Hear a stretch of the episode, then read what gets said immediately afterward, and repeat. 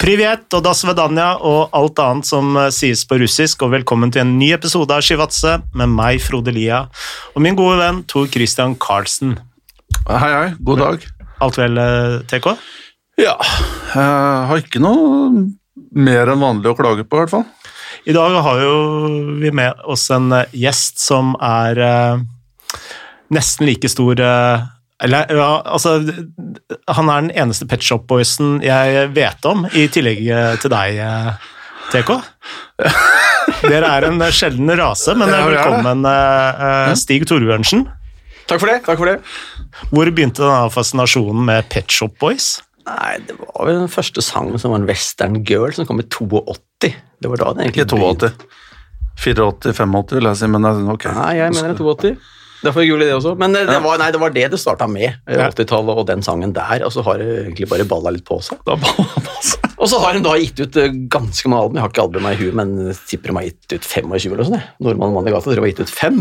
Eh, Så de har eh, vært eh, Ja, jeg ble litt bit av dem, og ble fan av dem. Så jeg reiser til omkring og ser på dem når de har konsert. Eller Ja. hører på, da. Jeg Fordi på, du var i England og skulle på Pet Shop Boys-konsert når eh, koronaen brøt ut, eh, stemmer det? Det stemmer nesten. Jeg var på Brian Ferry-konsert, faktisk, i Royal Albert Hall. Og så skulle Pet Shop Boys ha en konsert litt seinere, Ja. men den fikk jeg da ikke gått på. Jeg lar meg overraske veldig sjelden. Eh, men jeg har jo kjent Stig i mange år, og vi har jo reist litt sammen og sånn. Eh, og det kom ganske sent, liksom, jeg vet ikke, kanskje fem-seks år siden, så hørte jeg at Stig Ja, nå er jeg i London og ser Pet Shop Boys, tenkte jeg, hva er det som skjer her? Og det siste mannen jeg kunne forbinde med Pet Shop Boys, da, er jo han. Og, eh, så, men, men. Han har mange sider, denne mannen, og kanskje vi får ut enda mer hemmeligheter her i løpet av Når var første gang dere møttes? Nei, jeg kan tenke meg det var eh, 10-12 år siden, 12-14 år siden kanskje. Ja. Slutten på 07-08 eller noe sånt, kanskje. 06. For jeg tror jeg møtte Stig første gang i 97. Oi, Fordi jeg var faktisk eh, sammen med barnebarnet til eh, eh, han som var gift med moren til eh, Stig. oi. Jeg håper dette stemmer. Dette her blir altfor komplisert for meg. Ja, men da møtte jeg deg i et juleselskap, faktisk. Men eh, jeg Det husker jeg ikke, faktisk. Nei, men altså, Er dere familie? Altså, Og, nei, ikke i familie, nei. nei. Oppe på Grefsen. Ja, jeg, har jo bodd på Kilsås i 25 år, så det stemmer sikkert alt det du sier, men jeg, det klarer jeg ikke å huske. Uh, nei, men da setter vi en strek der. Vi stopper den der. Eh, Men uh, sist gang eh, jeg hadde deg inne for podkast, eller intervjua deg, det var tror jeg ti år siden nå. Eh, I starten av Det husker jeg faktisk. Det var et annet lokal et annet sted. Det var vel I Tollbugata. Ja, i Tollbugata. Der Josemar hadde det, det kan jeg huske. Ja. Uh, har samme fine håret, da. Stig. Ja, det er blitt litt hvitere eller gråere. Men Nei. eh, samme, samme looken, det er helt riktig. Men eh, jeg fortalte kona mi at jeg skulle uh, spille en podkast, og lurte på ja, hvem er det jeg skulle ha som gjest. Eh, Stig Torbjørnsen, sa jeg. Og er det han Afrika-Stig? Eh, og det du fortalte meg i 2010, det sånn, det å bli kalt eh, Afrika-Stig, det er litt sånn unøyaktig, fordi du har jo egentlig scouta mest spillere, og kanskje henta mest spillere utenfor, utenfor Afrika. Ja, det blei en sånn myte på det, fordi det var en periode hvor jeg var eh, veldig mye i Afrika. Det er helt Ja. riktig. Ja. Og det gikk egentlig veldig godt. Men totalen er jo helt annerledes. Jeg har vært i Afrika nå 110 ganger. Det Mm. er ganske mye. Men allikevel skal du ikke ha Afrika-Stig. Nei, men altså, hvis du sier hvor mange jeg har vært i Göteborg eller i Herning, så er det sikkert 250. Så det blir ikke helt riktig. Og jeg har vært egentlig helt worldwide. Men det blir litt fokus på Afrika da, når det er et, var et ukjent kontinent. Eh, og så kom det da noen spill etter hvert som, som var ganske gode, så det ble litt fokus på det. Og så var jeg ganske tidlig på den. Jeg var der i 2001 første gang, og da var det ikke så mange som hadde i hvert fall ikke fotballklubber da, som hadde vært noe i Afrika. altså Afrikanske spillere har jo vært der før det også den. Men da kom det litt flere, og så kom den Rosenborg-jobben i 2006, var vel det. Og så kom det afrikanere dit, og da blei det litt sånn Afrikastig, da. Men eh, Ja, altså, Det var vel, står vel bak ni dansker i Rosenborg, og det er ingen som snakker om det. Nei. Men så har jeg vært, stått liksom bak fire-fem afrikanere. så det Og noen blir... slovenere som ble veldig gode. Og... Ja, ikke slovenere, men Slovaker. slovaker. Eh, Borek Dortskal og Marek Zapara var jo ganske gode. Ja. Så det er riktig. Men det blei en uh, sånn Afrikastig-myte på det som uh, Det er forstått ikke noe feil på det, men totalen er at man har vært egentlig veldig mange andre steder. Men det blir litt spesielt og litt sært, og da blei det fort det.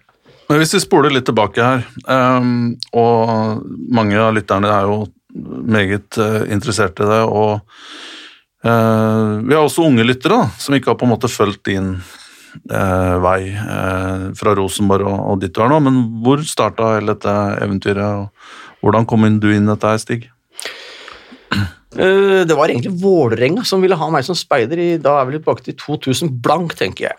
Og så kom jeg var, Og da var du Da var jeg ingenting. Jeg hadde, var fotballtrener på, på, på Si, trente et nordstandslag. Jeg er fra Kjelsås, hadde vel ikke noe sånn fotballnavn i hele tatt. Men uh, de ville ha en speider, begynne med det som, som først. I den forbindelse kom jeg i snakk med Lars Petter Fossdal, som da var og hang litt rundt Valle og sånn og sånn, og Geir Bakke og Kjetil Rekdal trente de. Så fikk jeg en fin dialog med Kjetil Nei, med, jo, Kjetil Sim òg, forresten, men eh, med Lars Petter Fossdal. Og så, Det var jo ikke noe avtale med Vålerenga, noen ting, så han lurte veldig på om jeg kunne ta en tur til Afrika. for Han syntes det hørtes veldig spennende ut. Og da tok jeg en tur til Sør-Afrika. Fossdal var agent, da. Fossdal var Ganske stor agent på den Ja, tiden. ganske stor fotballagent på den tiden, Sånn. Og da dro jeg til Sør-Afrika og si, oppdaga, fant, kall det du vil, scouta uh, Tony Leko Mm. og Makbet Sibaya. Det var to spillere som gjorde det ganske godt i Norge da. To sørafrikanere. For det var uh, Brann og Rosenborg. Det var Brann og Rosenborg. Ja. Helt riktig. Tony Leke ville også til Viking etter hvert. Helt rekkefølgen. Spiss, eh, Spiss, liten, robust. hurtig, gjorde litt mål. Og Sibaya var jo egentlig veldig god, men var ikke en sånn kjempesuksess i Rosenborg. Det var han ikke, men han var jo veldig god, og spilte på det sørafrikanske landslaget. Og ble solgt til eh, Rubin Kazan, og der tror jeg han var nesten i ti år etterpå, Mm. og var en kjempegod spiller. Mm. Og da fikk jo agent Lars Petter Fossdal litt vann på mølla. når det var liksom bare så lett å ta en tur og komme tilbake med to spillere som får kontrakt. Dette må vi ha mer av. Og da lurte han på om jeg ville ta en tur til Elfenbenskysten. Og det hadde jeg jo aldri hørt om, og måtte se på Globusen hvor det lå hen. Men jeg var jo ganske positiv, fordi det var gøy reise. Eh, To spillere, og var noe nytt, helt nytt kontinent, for meg i hvert fall. Så drar jeg til Elfenbenskysten, og da møter jeg også en eh, annen fotballagent som heter Alfred Obro, som etter hvert ble en sånn eh, reisevenn for meg. Men da, om dere kan huske Raoul Kouakou, Ja. som ble kalt Røde, Røde Raoul til Sogndal, han kom dit, og så fikk kontrakt med en gang. Mye røde kort, han stemmer det. Han fikk ganske mye kort. Jeg husker ikke hvor mange, men ganske mange. Men var likevel eh, god og veldig godt likt. Eh, Han var en ærlig fyr, og han ga 110% Sogndal hadde da ni poeng, husker jeg. Henta Raúl Kouakou og Marco Reda eh, samtidig. Og de utfant det veldig veldig godt, så da stoppa de med å slippe inn mål, og faktisk overlevde. og tror de havna på 34 poeng eller sånn, og da redda de seg på de to gutta der. sånn. Mm. Så det var en Hvor var. Marco Reda igjen fra? Han var fra Canada. Canada, stemmer. ja. Eh, Så de to der, og da begynte ballen å rulle. Og så kom det en del etter hvert, men så øh, Jeg husker ikke helt rekkefølgen, for dette var langt tilbake, men Sogndal havna jo etter hvert med fire-fem afrikanere. Aya Elvis, Barrikader, uh, Raoul Kakou Det kom noen flere som jeg ikke husker nå i farten. Uh, Sumen Choi kom etter hvert Mm. til Odd, til Stabæk, og så begynte det der å løpe. Og så Men da var du på en måte jobba du for Da var jeg sammen med Lars agentselskapet? Petter Fossdal, og så ble Lars Petter sitt firma kjøpt opp av Rune Hauge. Ja. Og da ble jeg med på det, og da kunne jeg si, få en lønn, en eh, vanlig lønn for det, og da la jeg inn et trykkeri jeg hadde, og så fikk jeg den som jobb på heltid i 2004 eller rundt der. Og så da dro jeg off- regelmessig til Afrika. Og så kom noen andre spillere, og så hadde jeg meg en spiller som heter Yusuf Kone på prøvespill til Rosenborg på Gran Canaria, husker jeg. Og det også var en veldig god spiller. Det var masse fram og tilbake rundt det. Men han fikk også kontrakt, og blei ganske god. Gjorde mye mål og var, synes jeg, veldig veldig god. Mm. Og i det momentet der så ble jeg spurt av da Rune Bratseth og Per Messias Høgmo om jeg ville jobbe bare for de. Og det var jo spennende. Og Rosenborg er jo en gigant i, på å si, i hvert fall norsk fotball.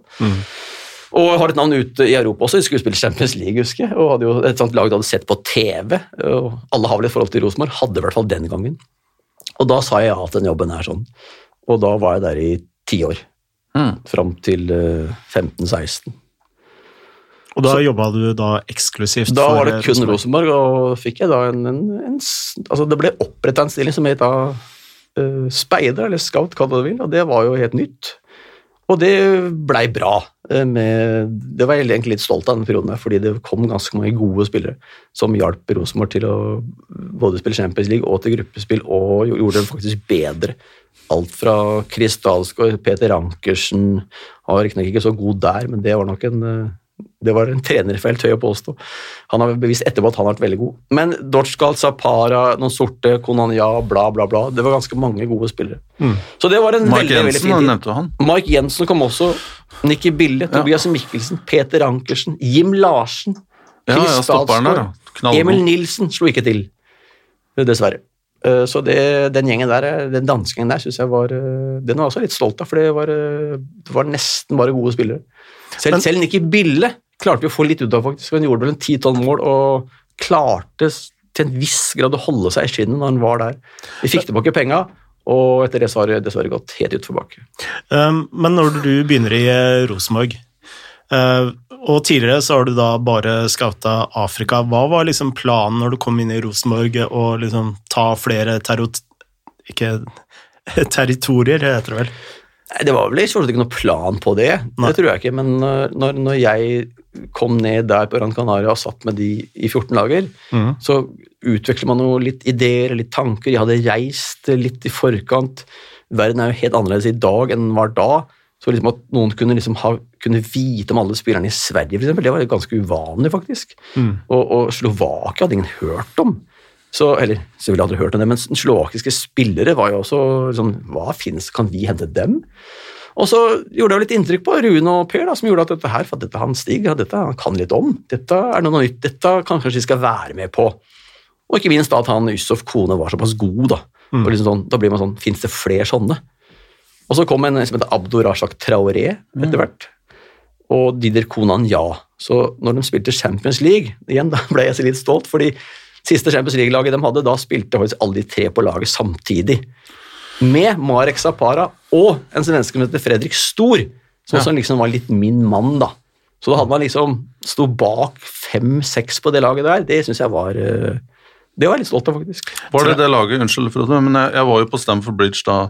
Jeg lurer på når 1-1 mot Chelsea. 1-1 og Kone spilte i hvert fall på topp. eh, Og var det siste kampen til Mourinho, første runden hans, hvor han fikk sparken etter den kampen? Helt riktig. Det, vi tapte 4-0 hjemme, men spilte 1-1 borte. Skåring av Mika Koppin, Ja, faktisk. riktig. Uh, Traoré ble jo en kjempehit i Bundesliga etter hvert, med- i Hannover. Eh, nei, uh, Konan Ja ble det. Konanja var det. Dider Konan Ja var ikke sånn spesielt god i Norge. Han var god, men ikke, sånn, ikke så god. Men han blei jo en superhit. De nesten ga bort han til Hannover. Og blei jo en, kjempehelt der og ble toppskårer første året. Jeg tror han skårte 17 mål i Bundesligaen for Hannover. Mm. Så kom etter hvert Mohammed Abdullawa også på samme de, lag. ja, de hadde jo et Så det var jævla kult at de to gutta der havna der. Mm. Og det hadde også en spiller som het Konstant Jakpa, som ja. også var i Sogndal, som også var veldig, veldig god, syns jeg i hvert Og fall. venstre bekk. Venstre kant. bekk, venstre kant. Ja. Han, eh, han kom til Sogndal, men de brukte ikke han så mye. Var ikke han knallgod i Toulon-turneringa, stemmer det? Så spilte han Toulon-turneringa, eh, og da kjøpte Bayer Leverkosen han. Ja. Rudi Føller kjøpte Stemmer. han. Eh, Jeg husker ikke hvor mye penger det var, det var ikke sånn veldig mye. Men da ble han kjøpt til Bayer Leverkosen, og det gikk ikke så bra, men han gikk da på utlån til Hannover.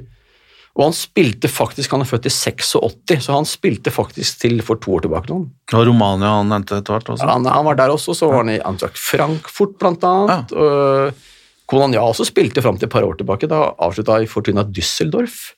Så de gutta der fikk seg en uh, veldig bra karriere, de, altså. Mm. Som veldig Veldig mange afrikanere som kommer hit da, og gjør det bra, de går ut igjen herfra. Det er jo hele pointet med dette her, egentlig. Så de tre gutta her fikk seg en uh, veldig fin karriere etterpå. Men uh, etter hvert i Rosenborg så var det jo mer uh, altså Danmark, Sverige og Slovakia da, som blei mer markeder du overvåka. Var det mer tilfeldigheter, eller var det en mer sånn Altså dere ville hente dansker fordi det passa med Rosenborg, eller var det noe Nei, jeg, jeg har ikke noe sånn veldig bilde av det. Jeg har jo hatt eh, på å si, hadde vel er det sju trenere, ulike trenere på tid, og tre ulike sportsdirektører. Så litt ulike veier var det å gå. Noen uh, trenere liker jo på å si, ikke de sorte, setter ikke så pris på det, mens andre syns det er kjempespennende. Det er litt individualister. Eh, og En sånn sorte med tanke på farve, eller? Sånn ja, tre- sorte spillere, jeg må si det. Uh, håper ikke det er uh, feil å si. Eh, Så noen eh, liker den type spillere, noen er ikke så opptatt av det. Eh, Det er jo for- fordeler og ulemper med alle, alle, si, alle typer nasjonaliteter. Men vi snakker ikke om sånn eh, farve av farve, men eh, altså afrikanske spilletyper, Ja, eller? ja, afrikanske spillertyper, det er jo Ja. uttrykt meg litt rotete, men afrikanske spillertyper, det er jo mye mer individualister. Ja. Uh, Og, og det er litt vrient å flette inn et Rosenborg-system. Uh, Derfor så ble litt feda litt vekk etter hvert. Ja. Men en annen spiller som også var veldig veldig god, han riktignok spilte i Norge da, men Antony Annan kom også dit og var ekstremt god i det laget der. sånn. Var det en spiller du hadde scouta? Nei, det for så vidt ikke. Han var jo da eid av Start og spilte i Stabæk. Ja. Eh, Men, men den gang igjen, altså, det var, folk var litt uinformerte. Nå kan man se alle kamper eh, igjen og igjen. Eh, Jeg bodde i Oslo, så det laget der. Han var jo på lånet tror det var bare en halv sesong, faktisk. Så Rosenborg hadde ikke sånn veldig kontroll på om han var god eller dårlig. Mm. Men jeg så litt kamper, og, fordi jeg er fra Oslo, og husker jeg spesielt på Anton Janman, så husker jeg at Erik Hamren hadde vi da. Og han var hjemme, husker jeg, fordi vi hadde ferie, og da kom han fra Göteborg hit for å se på Anton Janman, da, sammen med meg, husker jeg. Uh, og det, da spilte han også veldig bra, så da, da henta vi han rett etter det. Men han var jo eid av Start, da. Mm.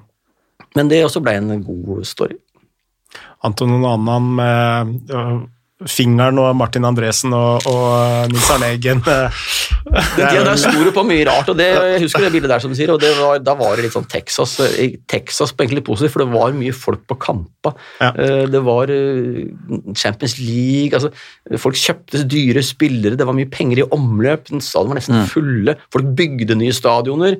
Åråsen var full, husker jeg. Fikk nesten ikke billett. Stemmer. Vålinga Lyn, det var, altså, jeg husker jeg fikk 20 ikke billett. 000 på Det var ikke opp billetter å oppdrive på Vålinga Lyn-kamper i den eh, perioden der sånn. Jeg husker ikke helt årstallet, men i det momentet vi er nå, da, da var det en eh, veldig kul periode, faktisk. Men du hoppa jo over noe her, og du nevnte Lyn. Du, du var jo også bidragsgivende til å hente Mikkel, da. Til, var, det, var det ikke det? Du så han i hvert fall, var det 2003 U17 der i Finland? Ja, det er, helt riktig. Det er- også en lang historie. Ja, Vi kan jo lage en egen podkast på en gang, men uh... Ja, Det er kommet en egen bok om det, faktisk. Ja, det var det. Den sorte diamanten heter den vel, så det, det, er en, eh, en ganske lang historie. Men kortversjonen er at jeg så Mikkel veldig tidlig, før alle andre, i noe som heter Meridien Cup på våren. Der var Nigeria med. Det var det. Italia? Nei, det var i Nei, det var i Afrika. Det var i, okay. Jeg husker ikke hvor det var engang, men det var i Afrika. Der, Egypt var det. Egypt. Eh, Det var en turnering som var litt ulike tidspunkter, en gang i året. Der spilte Nigeria, og der spilte også Jon Obi Miquel sammen med resten av den gjengen der, sånn, som da seinere spilte U17-VM i Finland. Det var på høsten. Denne turneringen her var på våren eller februar-mars. Og da husker jeg kom hjem og snakka om at det der var en jævla god spiller. Eh, Men da, da var verden litt an- annerledes igjen. Det var ikke så lett å liksom bare farte til Afrika sånn. Det var mye mer uoversiktlig. I dag hadde han blitt henta med en gang, antageligvis. Men så kom dette U17-VM, og da husker jeg ikke hvordan Nigeria gjorde det. Men eh, i hvert fall Miquel gjorde det vel såpass godt at uh, Chelsea ville jo ha han, og med, med flere lag. Og så er det gitt ut en bok. Rest is history, ja. ja. Jeg tror Nigeria gjorde det bra, for jeg mener Mikkel var en av de tre som ble tatt ut uh, etter mesterskapet. Var i Finland, ikke sant? Det var i Finland, ja. Jeg husker ikke helt hvor godt det var, men eh, den gjengen der Promise Isaac, John Obi Miquel, Edu, Ja, Bala Esekel ja, ja og et par til. Han nevnte Bryne. Taivo tror jeg også spilte på det laget. Ja, ja, ja. Han spilte jo Marseille. Det, laget var veldig veldig godt. Han spiller vel fortsatt ennå. Han jeg. spiller i Finland Ja. fortsatt, faktisk. Kanskje han trivdes så godt der, Stig, under uh, i null... Jeg tror det er helt andre årsaker til han er i Finland. Ja, kanskje han traff noen eh, Det var noen argentinere som var i Lyn og hadde truffet noen etter sigende på sommeren. Men eh, Stig, hvordan rangerer du bare sånn er inne på til spiller og det tekniske og sånn. Jeg syns det er veldig spennende. Så får vi komme tilbake til sporet, men, eh, på sporet igjen. Men hvordan eh, ser du Mikkel opp imot Zoomen Choi, eksempel? Er Mikkel den beste afrikaneren, syns du, som har spilt i Norge? Altså Jeg forstår at mange vil tenke at det er no-brainer, men Mikkel fikk jo på en måte en reise som Uh, altså Han gikk rett til engelsk fotball, og så, så, ble han der. Men så er det andre spillere som ikke får den muligheten, som kanskje hadde like høyt potensial. eller? Hvordan ser du på det? Nei, som, som, bare sånn Statistisk så er jo Mekelda den, den beste, men han spilte sju kamper i Norge.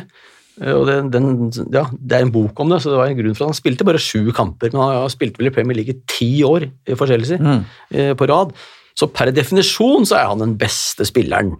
Eh, men Suman Choi også spilte faktisk i West Bromwich Albion i, Premier League. Og han også var fantastisk. Først Salzburg, og så West Bromwich.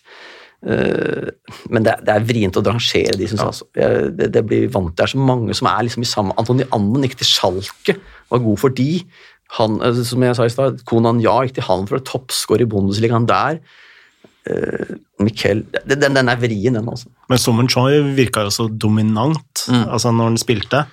Selv i, i, Premier League, altså med fysikken sin og Passere ledd og gli forbi folk med ballen og sånn.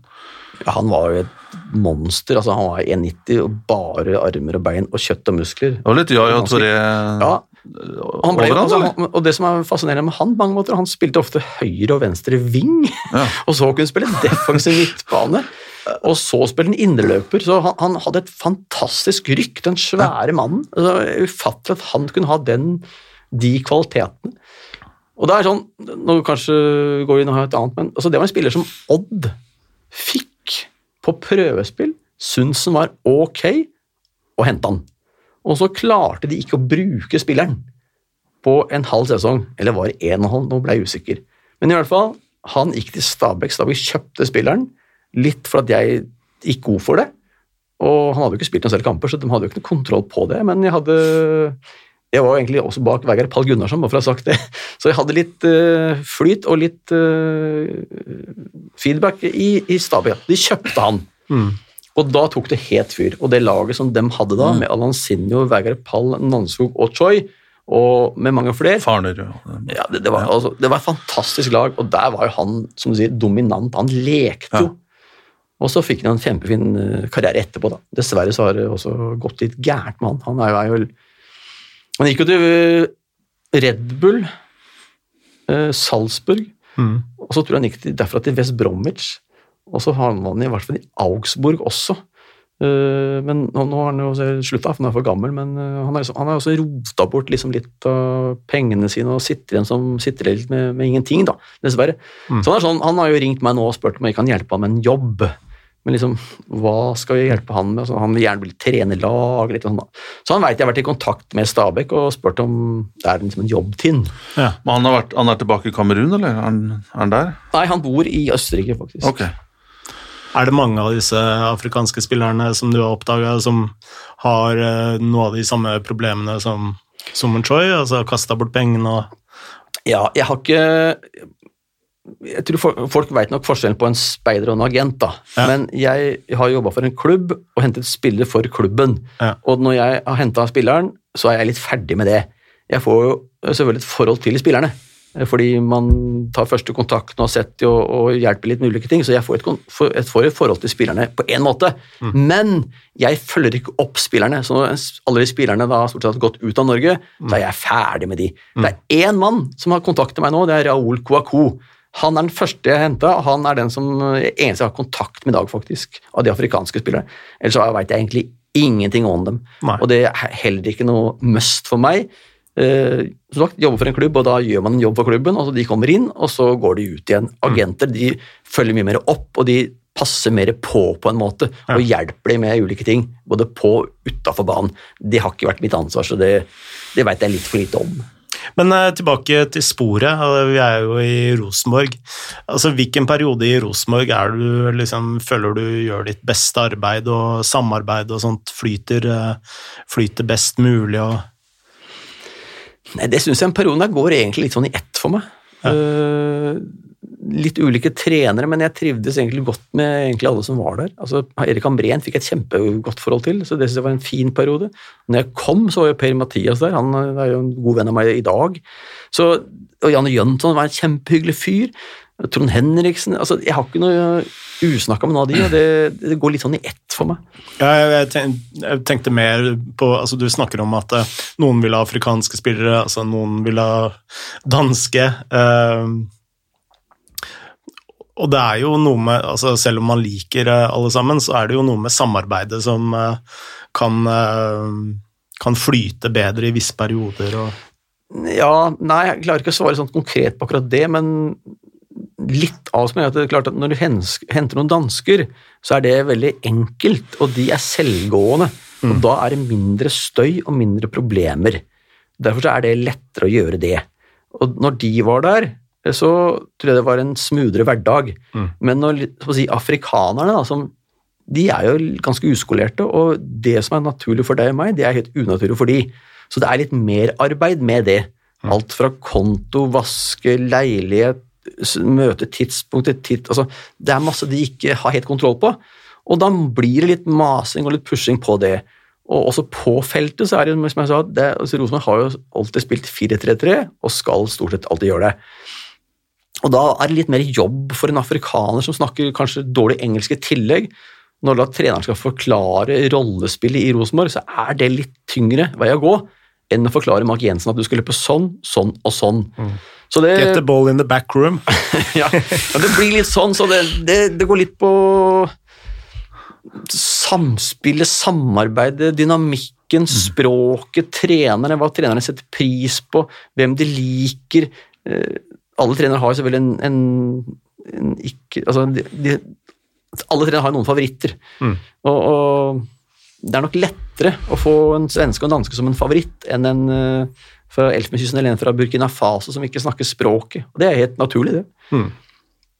Men etter ti år så sier det stopp i Rosenborg, og du, uh, du, går videre, og da går du videre til en uh, stor fotballfamilie, eller kanskje med et mellomsteg? Nei, det, det, da, det, blir jo ikke masse oppstands rundt det, for det er ikke det jeg er så veldig kjent, men det blir litt uh, dramatikk rundt det. Noe, jeg blir kontakta av mange folk og hvorfor jeg ikke jobber det lenger og bla. Det var jo en sånn ja, Stig Inge Bjørnvik kom opp dit, og han skulle ikke ha med meg videre. Det er jo ganske enkelt. Og Da gikk jeg ut, og da fikk jeg faktisk en eh, jobb uh, veldig, veldig hurtig. Uh, Udinese tok kontakt med meg, og, eller via en agent, da, og, og lurer på om jeg kan jobbe for de. Så møter jeg han Gino Posso som da styrer de Som nå også eier uh, Watford. Han styrer Watford, de hadde Granada også akkurat da, uh, og Udinese, Posso-familien er ganske kjent i fotballverden. Så møter jeg han, og så får jeg den jobben egentlig dagen etterpå. Og da hadde jeg jo egentlig en, en jobb ganske hurtig. Mm. Så får jeg altså jobb i Viborg av alt. Viborg er en superligaklubb. En liten klubb, men en hyggelig klubb. Udinese-jobben er litt sånn, det er ikke, sånn, det er ikke fulltid. Så det er ikke så godt betalt, så jeg måtte ha noe mer. Mm. Og da, da, går ferden til Wiborg, og de rykker ned, da, eh, litt dessverre, eh, det første året. Og det var vel ikke min skyld, men eh, Nå snakker vi 2017? Nei, da er vi 16. 16 ja. Så rykker de ned. Da, men da har jeg kommet i kontakt med Jens Gustavsson, da er manager-trener i Norrköping. Mm. For han ringer meg og spør om hva jeg syns om Gudmundur Torarinsson. For han har hørt at jeg kunne mye spillere. Og da fikk vi en, en dialog og en kjemi som gjorde at uh, når Wiborg rykka ned, så ble jeg spurt om jeg kunne jobbe for de, for da hadde mm. vi fått en, en, relasjon. Og da har jeg gjort det i ja, drøyt tre år nå, så og er fortsatt der. Uh, skal fortsatt være der òg, og det trives jeg veldig godt med. Og du har fortsatt Odinese og Pozzo? Odinese og Pozzo lever litt sitt eget liv, uh, men du, Norrköping er jo den sånn jobben som jeg hadde i Rosenborg, en fulltidsscout, mm. mens Udinese er litt mer sånn ha kontroll på Skandinavia, og de også liker afrikanske spillere. Så jeg, han sender meg noen ganger til Afrika da, på mesterskap mm. og lurer på om jeg kan ja, eller, ja, sende meg til Afrika på mesterskap for å finne noen spillere. Så det er, en, det er to klubber, og det er ikke noe konkurranse med hverandre. Det er derfor det egentlig går veldig godt. Ja. Fordi Udinese skal jo kjøpe de si, potensielt beste og ha mye mer penger. Uh, altså De spillerne som skal dit, de skal ikke til, til Norrköping, så det er ingen, ikke noe krasj i det i det hele tatt. Mm. Altså Nå har du jo holdt på i veldig mange år. Uh, og eh, altså, jeg kan jo tenke meg at eh, Og du har jo også nevnt det litt tidligere, at eh, hele denne scouting-jobben har jo endra seg veldig over de siste 10-15, kanskje 20 årene. Med, altså, du har nå Y-Scout og Instat og alle disse programmene i, i, i tillegg. Uh, hvordan er det din hverdag som scout har endra seg mest? Akkurat nå er det korona, så nå blir det lite reiser, så, så, det er jo veldig enkelt, eh, for da får man ikke reis. Men det var kanskje ikke det du tenkte på. Men nei, som du sier, det er jo blitt en del på sin nymotens programmer, typ Wirescout og Instat, da. og det er mange som nå bruker datascouting ganske hissig. Mm. Uh, Tenker du da på ren statistikk? Ja, det er det det går på. Ja. Uh, Brentford og Midtjylland har jo et samarbeid, de er jo veldig opptatt av det. Det er jo han Benham som eier Brentford, og han er vel en odds-eier ja. også. Eller et odds-selskap, tror jeg. Ja. Fra spillindustri, i hvert fall. Ja. De bruker det mye. Jeg er jo egentlig veldig imot det, jeg. Jeg er jo litt gammeldags. Du kan si at jeg kan jo på en måte være en konkurrent til en som meg, fordi mm. man kan jo bare sette på PC-en og se en som er gode, men det er jeg helt uenig i. Det er et verktøy som du kan bruke litt ut av. Mm. Men eh, jeg diskuterer masse folk, med masse folk om det. Men to, to eksempler da, er Bodø-Glimt kan vi bruke som eksempel. De er veldig gode i år. Veldig gode. Og Hvis vi går gjennom den elveren som Bodø-Glimt bruker, så er det altså spillere som ikke spilte noen andre steder. Mm. Alfons Samsted, eks Norrköping. Vi har han Marius Lode og Brede Mo, som alle kjenner. Jeg mener ikke å snakke ned Bodø nå, det er kun scoutinga. En Kasper Junker som eh, AGF, Horsens og enkelt, de ga han opp. Sinkernagel kommer fra Sønderjyske. En Sondre Fet, som var reserve i Ålesund. Um, Sammen med Jens Petter Hauge? Jens Petter Hauge var også da reserve i Ålesund. Poenget med det er at de spillerne der de passer perfekt der oppe. Mm. Mm. Hvis du går inn på Wisecout eller Instat og leser en indeks på de spillerne før de kommer til Bodø-Glimt, mm. så går de i null. Helt sant. Norrköping, som jeg da kjenner enda bedre, eller jeg kjenner dem ikke bedre, men de spillerne vi har og har hatt, det er bare spillere som ikke lykkes i andre klubber. David Moberg Karlsson, Alexander Fransson, eh, Jonathan Levi Andre solgte nå, da, dansken. Rasmus Lauritzen, reserve i Verve. Han solgte nå 15 Niklas, millioner. 20 millioner for han. Ja. Niklas Eliasson, reserve i AIK. Alle våre spillere har vært reserver eller ikke vært spesielt gode i andre klubber. Den gjengen der kommer ikke ut med noen tall på den datascoutingen. Mm. Og det synes jeg er et viktig poeng. Mm. Midtjylland de har lagt masse energi, penger og krefter i det. De lykkes med en del, men hvis du går inn på antall de signerer, så er det ganske mange som ikke lykkes. Mm. Og det er nesten basert kun på datascouting. De traff på Tim Sperv. Han var jævlig god, eller han var veldig dårlig, Eh, på, i, det store og det hele. Han så de noe med. Han lykkes de med. Men det har vært veldig mange derfra, fra ulike nasjoner, som ikke lykkes i det hele tatt, som tydeligvis er, har en bra data si, en, en, verdi da, på, på, en, på, en, på, en, PC eller på en data. Mm. Så jeg er veldig imot det. Afrikanske spillere som kommer fra Afrika, de er, de, de er i null på dataskapning. Det fins ikke der engang. Men det å gå inn og se på hvem som er best på Rosenborg eller best på Sarpsborg på Instat, ja, det, finner, det, kan man jo se. Mm. Men hva får vi gjort noe med det? Mm. Det trenger ikke å fortelle hvordan framtiden blir. Men uh, en annen her, Bodø-Glimt, tenker jeg Lajoni, som kom fra Elverum og rykka ned med dem. Og så, og så, får de solgt han for 15 millioner, så det er mye tilfeldigheter her, Men der, der, ser du at det, Jeg syns Bodø-Glimt har vært veldig klare på um, spisskompetansen da, som de ønsker i spillerne. De har vært kjempeflinke! Ja. De, har vært superflinke. Om det er tilfeldigheter, om det er hardt arbeid, eller om det er flaks, eller om det er faktisk så gjennomskaut at han er der, han passer der, han passer der, han passer der. Det veit jeg ingenting om. Men poenget mitt var egentlig den datascoutinga og verdiene. Ingen av de spillerne i Bodø eller Norrköping kommer fram med noen som helst høyt poengscore i de klubba der. sånn. Nei, i, ja, i de klubbene. De, de, kommer ikke fram, det. Så Ja. Nei, men jeg tenker jo også, hvis du holder oss til Bodø-Glimt, at det de helt sikkert har vært veldig flinke på, det er også altså man ser rå, et råpotensial i spillerne. La oss si om så La Joni, om de ikke hadde sett han da, men han kommer dit, han rykker ned med Elverum, han var vel ikke fast på laget der. Så kommer han og så ser du at dette er en spiller, han er hurtig, han kan gå i bakrom hvis du lærer han til det. Han har fysikk, og så klarer de jo De klarer å molde han molde, altså de klarer å hva heter det, støpe han da, inn i 4-3-3-system. Så de, Én ting er jo scouting og se ting, det andre er hva du gjør med spillerne etter de kommer. Ja. Og det er veldig ofte glemt. Og det er veldig mange synes jeg, liksom sier at ja, hva er dårlig kjøp og dårlig scouting. Ja, men den foredlinga I Norge så er det ikke sånn at du kan kjøpe en, en ferdig spiller fra Spania eller en ferdig spiller fra, fra Tyskland eh, eller Holland som er godt utdanna og, og, har liksom akademi-skills. Du kan hente noen liksom, Det er alltid noe som må, eh, må og jobbes med. Ja, og, og, der ligger det jo stort ansvar på, på trenerne. Og, og, Stig var også inne på et veldig viktig, viktig punkt her tidligere. Eh, det er jo den Det systemene du lager rundt spilleren når du kommer. Mm. Så man kan godt ha store ideer om å hente afrikanske spillere og så få solgt de for 40-50 millioner, men det krever jobb. Og det krever å ha et system som, som er på plass for å få disse her til å funke da, i norske hverdagen, og både te teknisk og taktisk. og du må også se på dette som prosjekter, de skal utdannes, de skal læres mange ting. og så jeg vet ikke hvor mange trenere eller eh, organisasjoner som orker å ta på seg sånt. da. Det er mye enklere, som Stig sier, da, å hente en danske som er litt bedre enn alle de andre vi har, og så ser det, så ser det veldig bra ut. Men det er en mye større oppside å hente en spiller som har råpotensialet, og jobber du litt med han og gidder å bruke energi og ressurser til det, så kan liksom det gå gjennom taket etter hvert. da. Ja, det som er så spennende med afrikanerne, syns jeg, den, den, det er ingen altså, Ta Jon Obi Bekkel, som vi var inne på i stad. Vi vet jo liksom ikke når afrikanere kommer hit, så vet vi liksom ikke hvor han stopper en.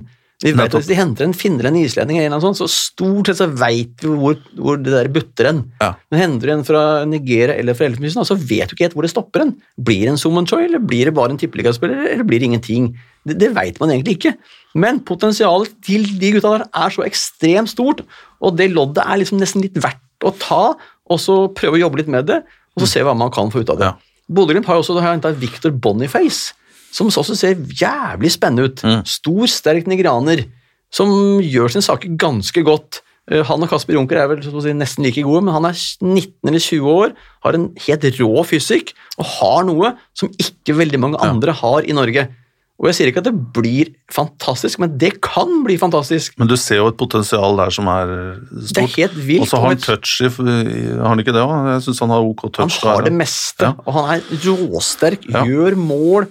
Øh, fysikk, afrikansk fysikk som er Den er helt rå. Det er, altså, det er jo genmessig, så det er ikke noe, er ikke noe feil på det. Men han har mange av de tinga som skal til, da. og så vet vi ikke om det blir så bra.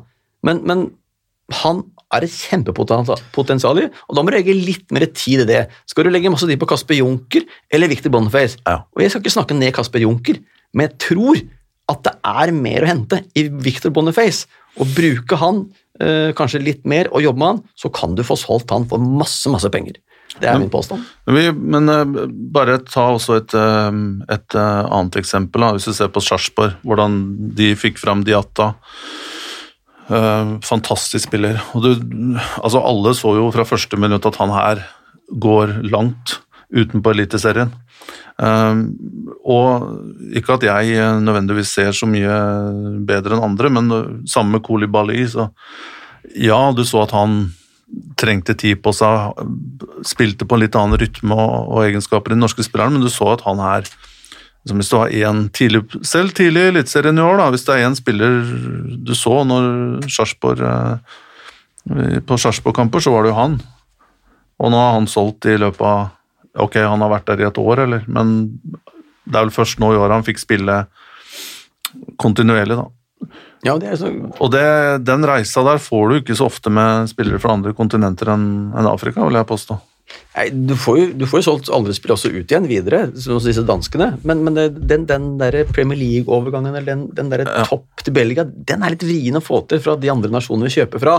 Så det er noe eget og litt spennende og fascinerende med afrikanere, syns jeg fortsatt. da. Og det svarer jo, unnskyld, men det svarer et av spørsmålene vi fikk her.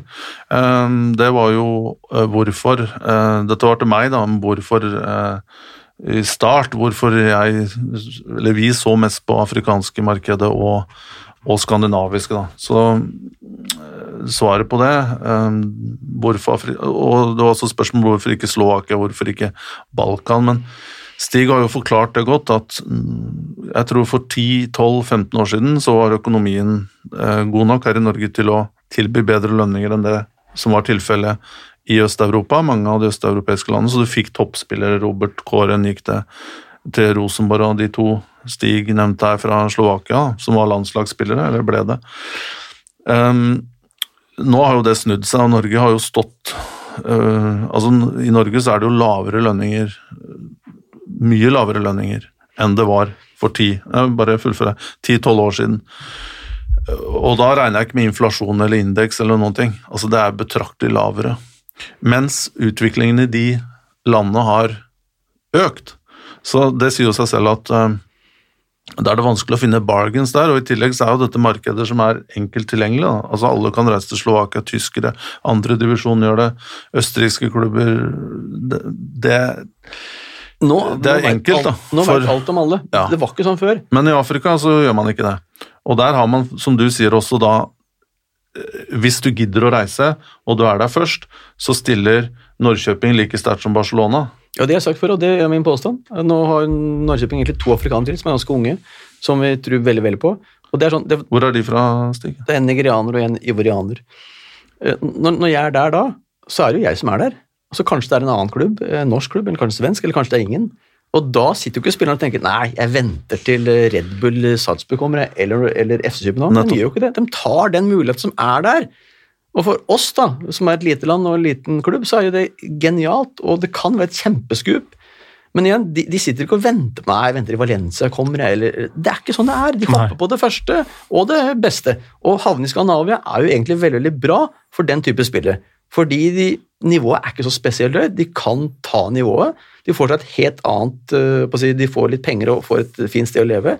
Og så kan de komme seg videre. Afrikanere i Skandinavia er veldig prioritert fra andre klubber altså som er høyere på rankinga enn Norge og Sverige og Danmark. da. Altså type Østerrike, Tyskland, Frankrike. Det går massevis. Se, som du sa i stad, Kolibali har jo spilt syv kamper, så er han ute. For de følger så inn i helvete med afrikanere, for da slipper de den første jobben der, og så er det litt risiko å ta en spiller rett fra Burkina Faso eller Mali til en større klubb. Så hvis du har spilt i Skandinavia et år eller to, så er det mye tryggere på hva du får. Og da er klubbene villig til å betale litt mer penger for det, enn å, enn å gamble på å komme rett til Afrika. da. Jeg har eh, to spørsmål sånn på rappen. Eh, Det ene er eh, eh, kanskje litt åpenbart, men altså, suksessfaktoren ved god scouting er egentlig å eh, jobbe med en klubb som faktisk gidder å ta den jobben med å jobbe med spillere som kommer utenfra, eller, eller eh, også innad i Norge. Er det et eh, ja? Ja, men i Norge så er det jo ikke noe kultur på det i det hele tatt. Det er jo bare Rosenborg som har hatt, nå har det ingen. Det er bare Molde nå som har en speider på hullet som jeg veit om. Vålinga hadde, Rosenborg hadde, uh, Brann hadde. Jeg vet ikke om nå noen andre enn Jon Vik som jobber i Molde. Så norske klubber de, de ser på dette som en Dette har jeg sagt hundre ganger, nå er jeg litt lei av å si det. Og jeg snakker kanskje bare for min, for en syk mor, men alle ser på dette som en utgift. Derfor er ikke speidere i Norge, fordi klubbene de tar vekk den kostnaden for å spare penger. Og så evner de ikke å se at det her er en investering. Og så det viktigste punktet med en speider, og det sier jeg også gjentatte ganger, den viktigste jobben jeg gjør, er å unngå feilkjøp. Det vil si, hvis jeg sier til klubben at vi henter ikke han, og da er det en spiller som kanskje koster to millioner kroner, og som skal tjene en million. Og så går du i gang med tre år. Det er seks millioner. Altså, bare én, bare på å unngå ett bomkjøp, så har den speideren tjent inn sin rolle.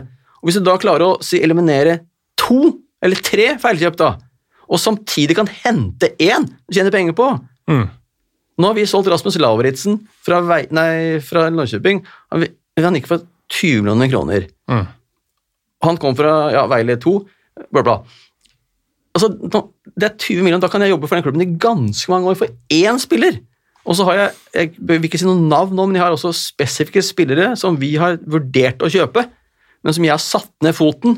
Og jeg har ingen fasit på det her, ikke misforstå, men noen spillere kan jeg jo bedre enn andre. Og det er enkelte som jeg har sagt, det, der, det, der, det kan vi ikke gjøre. Å argumentere saklig hvorfor vi ikke gjør det, og etterkant så ser jeg at det har vært rett. Og det veit jo ingen om. Det kommer aldri ut. Ingen leser om det, ingen hører om det. Men klubben jeg jobber for, eller som har en skal, de veit om det. Så de har jo takka meg flere ganger det. Du, Stig, jeg husker at du sa det der sånn. Nå ser vi, altså nå er han tilbake igjen, eller spiller ikke, eller Og det er det viktigste. Unngå de feilkjøpa. Bare der, unngå ett feilkjøp, så har du spart inn lønna di med én som du ikke tar. Og, Ja, ja. jeg vil jo bare um, svare på, um, på det samme spørsmålet, Og på en måte så Jeg jo, følger jo Stig på, på det meste her, men det er klart Hvis ikke du har en eh, hvis ikke du har en klar tanke om hvordan du skal arbeide med de spillerne som kommer inn, så er det jo ikke noe poeng å ha en talentspeider. Da er det en utgift, for da får du ikke noe ut av de spillerne. Da kan du like godt på en måte ta noen sjanser her og der. Og du må jo ha La oss si jeg hadde vært en talentspeider nå per i dag, da, eller en agent eller hva som helst. så er det klart jeg hadde følt meg mye tryggere hvis jeg hadde kommet med spillere til Bodø-Glimt eller Molde som, som har bevist at de har ja, de har et klart system på spillesystem på banen, og de har organisasjoner rundt som, som jobber bra. Og, så dette her må jo være en helhet i det, og jeg tror heller ikke det jeg syns også blir litt borte i, og kanskje Stig tenker bitte litt En ting han glemmer oppi dette her, det er at det er jo ikke bare å ansette Jeg hører det som ja, klubber må ansette speidere, speidere, speidere. Ja, men det er én ting å ansette Stig som har 20 års erfaring og har lært seg å lære, han har lært seg å se potensial, hva det innebærer, og forstår alt mulig av liksom, små detaljer. Hva er det som skiller en spiller fra her og her? og altså, Den erfaringen der, den er jo verdt ekstremt mye.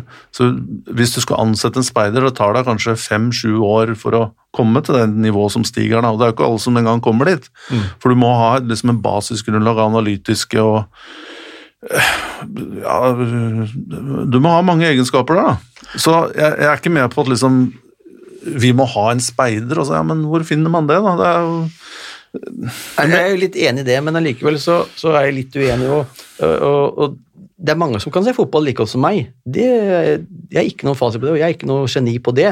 Men kan de se potensial som deg, Stig? Ja, Nei. Det, jo, det kan de, men det krever reising, erfaring øh, øh, Lidenskap for det. Ja, lidenskap, passion, et ekstremt nettverk. Hvem skal Ja. du stole på? Agenter, andre speidere i andre land.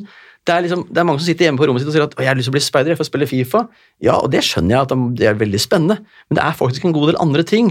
Men jeg kan gå på fotballkamp og, og ikke se noe Hvis jeg ser på Sarpsborg Vålerenga, så er det sikkert alle vi enige om hvem som er god og dårlig. Kan være. Vi behøver ikke være det. Men det er liksom ikke den, den største kunsten. den der, rei, altså Jeg hadde 120-30 reisevenner i utlandet på det meste. Å kunne reise til Afrika da, på, en- til mandag hvis det er en kamp der, så har jeg gjort det. Så jeg har vært litt sånn, uh, litt sånn lonely rider på det. da. Så du må finne en kar som også selvfølgelig kan fotball og se det, men også som har en, en livsstil, som ikke har tre unge, tre barn, en eks-spiller som kanskje er ferdig med å spille, og så skal han ha fri hver helg. Det er sånn, del andre ting som gjør at det, For å finne en sånn figur, da, som type meg. Der Ja, og der, og der, kjenner jeg, der kjenner jeg Stig så godt at eh, Og han, der vil jeg si at eh, Stig skiller seg veldig ut ifra veldig mange andre jeg kjenner i fotballen i Norge. Fordi han Jeg kan ringe Stig på fredag kveld klokka 11 eller 8 om morgenen på lørdagen, så er han Ja, nå sitter jeg og ser en kamp her, og han er liksom på hele tiden, da. Det blir en livsstil. Ja, og, du, du, og den eh, lidenskapen der òg beundrer jeg deg, Stig, at du har den nå eh, etter, etter 20 år. Jeg syns det er helt fantastisk. Men det å Det er, liksom, det er ikke bare å Og det er mange som også spør meg ja, men hvordan skal jeg bli en speider. og Du må være også proaktiv da, selv. Og Stig tok disse turene til Afrika og viste liksom at han viste jo resultatet med en gang. Vi snakka her om to, de to sørafrikanerne som kom. Um, og så er det mange som spør meg hvordan kan jeg bli en speider og sånn. Ja, men da sier jeg ja, men legg litt arbeid i det. Uh, sett deg inn i noen ligaer, det er mulig nå med både YouTube og, og, og, og internett. Altså, du kan se direktekamper fra mange interessante ligaer. Og jeg husker det var en det var en fyr som kom til meg for mange år siden og sa ja, jeg har lyst til å bli speider. og sånn. Jeg er veldig god, utrolig god oversikt på Premier League og Championship. Så sa jeg ja, men det er jo vel og bra, det, men det er jo, det er jo ikke noe nyttig for meg i det hele tatt. Kom til meg og si at du har god oversikt over Chile eller Honduras, eller at du har sett mange kamper fra Marokko. Da snakker vi Tunisia. Liksom, Kom med noe nytt da, til bordet, og vis at du har brukt tid og gidder å bruke fritida på dette her. For det er samme for meg, da. Jeg starta jo på den måten der selv. Du nevnte at uh, i dag så er det kanskje en klubb, altså Molde med Jon Vik, som uh, har en uh, scout, men for et par år siden så var det flere klubber som hadde ansatt scout, mener jeg å huske. Ja, Brann hadde i hvert fall, og Vålerenga hadde i hvert fall. Uh, må være noen flere. Ja, Vålinga, nei, og Rosenborg hadde jo Halvard, Halvard var jo der etter meg. Ja, men jeg, jeg bare lurer på om eh, altså, en av de årsakene altså Ved siden av at klubbene nå sliter med økonomi, har, i hvert fall ikke har like god økonomi som de hadde for eh, fire, fem, seks år siden. Eh, og nå ser du en sånn derre alle skal satse på egen spillerutvikling, man skal satse på akademi, og så har kanskje denne akademibiten og det å hente spillere fra andre steder kanskje kommet litt i annen rekke? Er jeg inne på noe der, eller? Ja, Det kan nok hende, men uh, akademien har blitt bedre. Og de yngre landslaget har jo faktisk blitt mye bedre.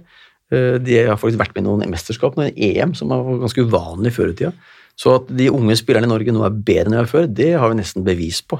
Mm. Og A-landslaget også har noen som er dritavspennende, som ikke er veldig veldig gamle. Så det er, Og akademiet til f.eks. Stabæk har jo solgt en god del spill de siste åra, som er veldig gode. Så det er faktisk bevist at de er bedre, de unge spillerne òg. Så det er jo en sånn, men alt går litt i trender, da. Ref tilbake til Slovakia. altså når Jeg var der, så jeg var så ganske tidlig der, og da med Marek Zapara da, jeg husker Viking henta Martin Fillo, Odd henta en, en Postbekk. Uh, Lillestrøm henta en midtstopper. så det, det, det, går litt sånn i trender. altså Hvis alle drar dit, og så skulle man liksom til Costa Rica Det var jo altså det laget som kom til kvartfinalen i VM i 2014. Mm. Det var altså ni mann på det laget der. Har mm. spilt i Norsk Tippeliga, eller Eliteserie. Og da, liksom, da, blir det sånn smitteeffekt på det, så da vil, da vil mange dit. Og så er det Island, som plutselig De er jo egentlig alltid der, men da er det liksom det. Brasil har jo aldri hatt noe forhold til i Norge, så der har det jo ikke vært veldig mange. Det er jo bare Alcine som jeg kan huske som har vært veldig veldig god. Mm. Så var det vel en i start, tenker man om. Som Bjørnby hentet. Ja, det var et par der, ja. ja. Så, så, det der går litt i trender, da. Eh, og litt sånn sykluser på mm, om det er afrikanere eller skandinavere eller chilenere eller costaricanere, eller da egne spillere. Og da når du tar opp egne spillere, så er det vel og bra, det, og det er veldig populistisk, da, men da behøver liksom ikke noe speider til det, da. Nei, men jeg tenker det blir veldig sånn svart-hvitt, da. Enten gjør vi det, eller så gjør vi det. altså Det er ikke en blanding. Jeg, jeg sier jo alltid, og jeg sier det igjen, da. Når alle klubber syd for København har ansatt alt fra én til fem speidere som reiser rundt omkring i verden, så tror ikke jeg at alle de tar feil. Altså, tror vi da i Norge at det er vi som tenker rett, at vi ikke skal ha det, eller, eller er det de der nede som tenker altså at alle tenker feil? Jeg mm. tror jo ikke det. Nei. Så jeg tror at det er da smart og lurt, og jeg vet jo ved min egen si, karriere ved hva jeg har hjulpet klubbene til av fortjeneste, og igjen den der å ta vekk spillere som vi ikke skal kjøpe. Jeg vet jo at det regnestykket går i stort, stort pluss. Og det tror jeg også noen andre kunne ha si, klart å få, og at det går i pluss. da. Ikke at det bare er en utgiftspost, som jeg vet mange syns det er. De tar seg ikke råd til det. Vi må jo nevne Sarpsborg her, som både er dyktig, dyktig sportssjef og, og speider. Uh, så, men jeg tenker at her må jo norsk toppfotball og litt sånn på banen, for det, her må man jo også bygge en kultur og kanskje ha noe kurs, sånn at man kan få fram eh, folk da, som er gode til å, til å kartlegge og har, har, de egenskapene som Stig.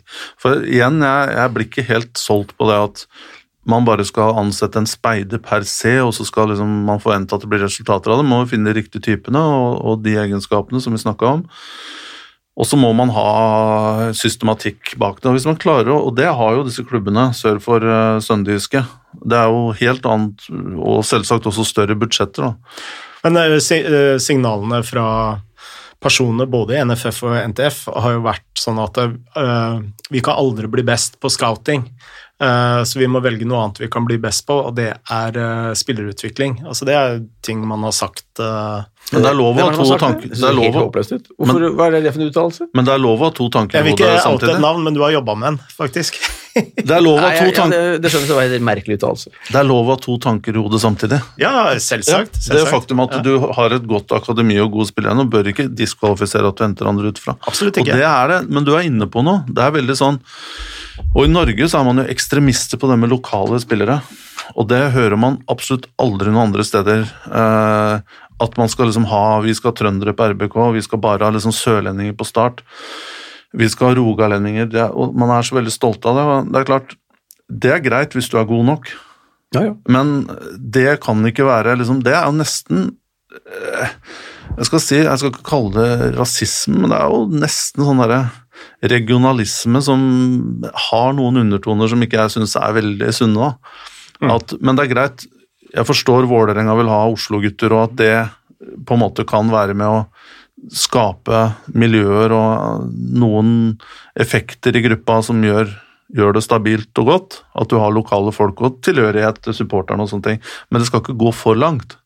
At det liksom skal bli viktigere, men vi tar heller han fordi han er lokal, enn han som er bedre og er utlending. Det er sånn, det, Det- det- for meg så handler det om å vinne når alt kommer til alt. Det er altså, alle, altså Ejuke, da, i Vålerenga, når du sier Ejuke Vålerenga har veldig mange unge, spennende spillere som er lokale og som er egne. og Det er kjempefint, det.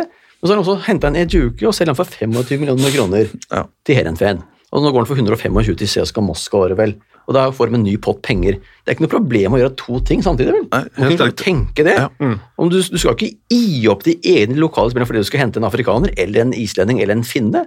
Du må gjøre begge deler. Og, det er der vi, og Derfor er jeg helt uenig i at de ikke kan bli gode på scouting. Selvfølgelig kan du bli best på scouting òg. Ja, men da må det gjøres på riktig måte. Ja, det ja, men du mitt. kan bli best på det Ja. også. Om du drar til Finland, ta Skandinavia, da. Superettan, eh, dansk førstedivisjon, Island og Finland. Bare vel deg fire områder. Og så setter du én kar til å reise rundt omkring der én sesong. Det er klart at han har kontroll på det, sånn at han ikke er helt hjernedød. Så har finner han ut hvem som er god der. Eh, Men, ja. men eh, Finland hadde holdt meg unna, men, eh, men Nei, nei, eh, du må velge noen, ja, ja, noen områder. ja, da. men Superettan er du inne på noe enig, Stig. Eh, altså Vi har jo fått eh, veldig mange gode spørsmål, og det må vi snart eh, sette i gang med. Men eh, eh, du snakka om eh, norsk eh, eh, spillerutvikling og eh, ungdomslandslagene. Eh, fordi jeg har vært i en eh, altså diskutert litt på, på Twitter, blant annet, eh, om eh, For nå er det veldig en sånn I pressen, i hvert fall, så er det en sånn panegyrisk stemning om eh, norsk spillerutviklings eh, fortreffelighet. Da. Altså, det er eh, dette er ikke fra offisielt hold, da, men er, altså, du kan lese folk på Twitter som sier sånn ja, nå er vi på nivå med Belgia og Frankrike og sånn. Hvor jeg har sagt nå må vi roe, roe oss eh, litt grann ned. Altså, godt mulig vi har blitt mye bedre, men vi var jo en periode ganske dårlig. Så hvor i spekteret ser du eh, Norge med tanke på spillerutvikling nå? Altså, er vi i toppen i Europa, eller er vi helt på midten, eller er vi fortsatt ganske dårlige, eller Det er vanskelig å svare eksakt på hvor vi er i terrenget, men jeg er jo ikke overraska. Altså, hvis vi skal bli bedre enn Spania, Frankrike og England på det, det er jo det er i hvert fall helt sjanseløst. Det kan vi ikke bli. Det, det, det skjønner jeg jo. Men jeg, jeg, jeg, er ikke, jeg vil ikke at vi skal det, vi må jo bli bedre, og det har vi blitt mye bedre på. Og nå har vi sett at vi har fått fram masse gode unge spillere som går nå ut mye før enn mulig før. Det, var mye, det er mye mer interesse rundt spillerne våre nå til ganske store klubber. Uh, ut, altså det er Askildsen, Sampdoria, så går det noen til Danmark, så går det noen til FC Nordsjælland. Anderlecht er den på gjennom 17-åring. Arn- Ja, altså, Ja. Det er masse sånne typer spillere. Mathias Kjøle er i PSV Ja. Det er mange sånne spillere som er der nå, som ikke var der før. Og Nå har folk blitt litt smartere, tror jeg, og agentene har blitt litt lurere. Før så skulle veldig mange til England, Mm. og de som går dit, de kommer tilbake ganske hurtig. Men å gå til Andres eller PSV eller FC Nordsjøland, de er jo smart, faktisk. For da kan du faktisk få en plass, du kan utvikle deg riktig, og du kan faktisk få spilletid på A-laget. Så det er en litt sånn annen dreining på hvor de gutta går hen. Altså, Noah Holm gikk faktisk til et eh, Da var det på lån, da, men han gikk vel til Portugal nå. Og så er det noen Hvem? Han, eh, Noah Holm, spissen som Ja, var i Red Bull Salzburg. Han har gått dit for å se om det blir noe. Men nå finner man seg litt andre marked. Det er ikke bare akademiet til Liverpool, Tottenham, Southampton, og det ser vi så at det går gærent. Og så er det jo lett å kritisere det, fordi jeg skjønner jo en spiller som får til fra Liverpool eller City, Så hopper og man går på. dit, hopper på det, og en drøm som var begynnelse. Så det, det skjønner jeg jo. Men vi har blitt bedre per definisjon, med mye flere spillere ute i bra klubber, og så har landslaget våre, U17 og U19, blitt veldig gode. Jeg er ofte på sånne landslagsturneringer, og La Manga er et fint eh, sted å være på vinteren, fordi der er det mange eh, si, speidere og andre landslag. Og der er Norge nå Før så hadde vi, vi tapte for Sverige hver gang.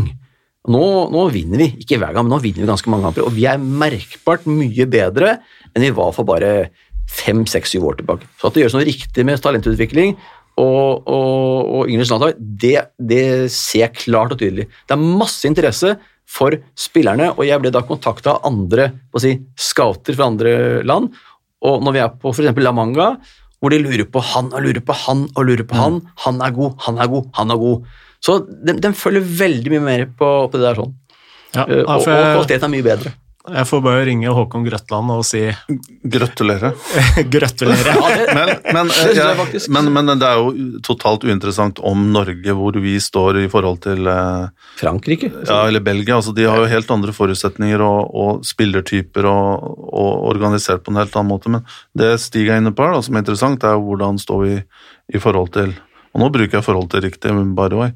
Um, I forhold til Sverige og Danmark, eh, er vi, hvor ligger vi der? Og jeg er enig med Stig at det er, der er vi nærmere enn vi noen har hørt, eller kanskje forbi Sverige. Jeg synes det er Ja, eller vi har fl kanskje flere spillere i den kategorien du det er litt snakka sånn om fra først. kull til kull. da. Det er Ja. sånn, går litt sånn opp og ned. Noen kull er veldig gode. Det 99-kullet som var i EM med, med, i årene. VM. Polen. I Polen, ja. Det, det var en kjempe, kjempe, Ja. kjempefin gjeng, ikke sant? og det går litt opp og ned, men det er mange kull nå altså, som er veldig veldig bra. Så Mm. det, det er imponerende, faktisk. Og, og, ja, det er imponerende. Skal vi sette i gang med litt uh, spørsmål?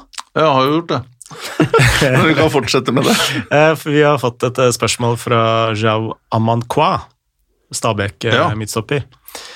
Midtstopperen på Stabæk. Eh, og han lurer på i hvilken grad kartlegger klubbene spillerne, spillerne utover det fotballmessige, f.eks. med tanke på personlighet. Hvis du skulle peke på én faktor som oftest hindrer spillere med massevis av talent til å nå potensialet sitt, hva er det? Det er jo to spørsmål. da. Ja, Første spørsmål er jo Nei, jeg tror klubbene gjør veldig lite av det, og det har jeg litt forståelse for. fordi når jeg ser en fotballspiller, en fotballkamp, så er det jo spilleren jeg ser, og det er han jeg vurderer. Jeg ser jo ikke inni hodet hans og hva han gjør på fritida, men det er jo lov. Om du er interessert i en spiller, eller har sett en spiller et par ganger, så er det selvfølgelig lov å ta en research, og det gjør man jo. Man hører litt med andre, kanskje en lagkamerat, agenten hans, den er kanskje litt inhabil, men likevel man gjør en research på om dette her går bra eller ikke, eller forutsetningen hans. da. Så der gjør man jo en, en jobb, men den skulle selvfølgelig vært bedre. Men hvor mye skal man gjøre òg? Altså, andre har faktisk godt av bytte i miljøet. Og en ting som ikke funker der, kan faktisk funke et helt annet sted. Typ det som var i Bodø-Glimt. da. At uh, Sondre Fet, da. Jeg kjenner ikke han som person i det hele tatt, men liksom, han sto der kanskje litt og kladda litt, og så gikk han til, til uh, Bodø-Glimt, og der lykkes alt. Om det er bare spillestil, om han trives utafor banen eller noen ting, det vet jeg for lite om. De danskene i Bodø-Glimt de trives veldig godt der. Det er liten altså Jeg klarer ikke å si at det skal være så At dem kommer til Bodø, veit nesten ikke hvor Bodø er. Så at det går bra Det går tydeligvis veldig bra. Afrikanere som kommer til Norge, du kan jo ikke tenke deg større forskjeller enn fra Burkina Faso til Sogndal. At det går godt. Det er ingen som til at det skal gå godt. Det er ingen felles nevner her i det hele tatt, men det går ofte godt. Så det blir sånn fra gang til gang, og så gjøres det en jobb, men den kunne kanskje vært bedre noen ganger, men noen klubber er jo bedre til det enn andre igjen. da. Noen kjøper noen bare på en video på en anbefaling eller på en agent, mens andre faktisk gjør en jobb med det, så det er litt ulikt og ujevnt, syns jeg.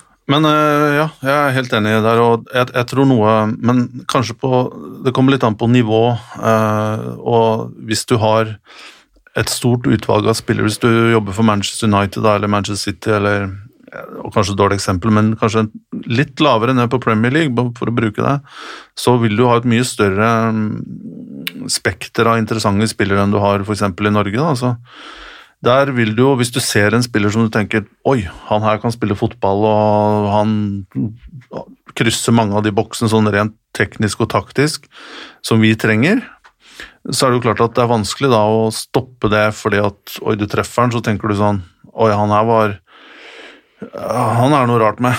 Mm. Så, men her er det to ting. Det er jo um, Eller igjen, da.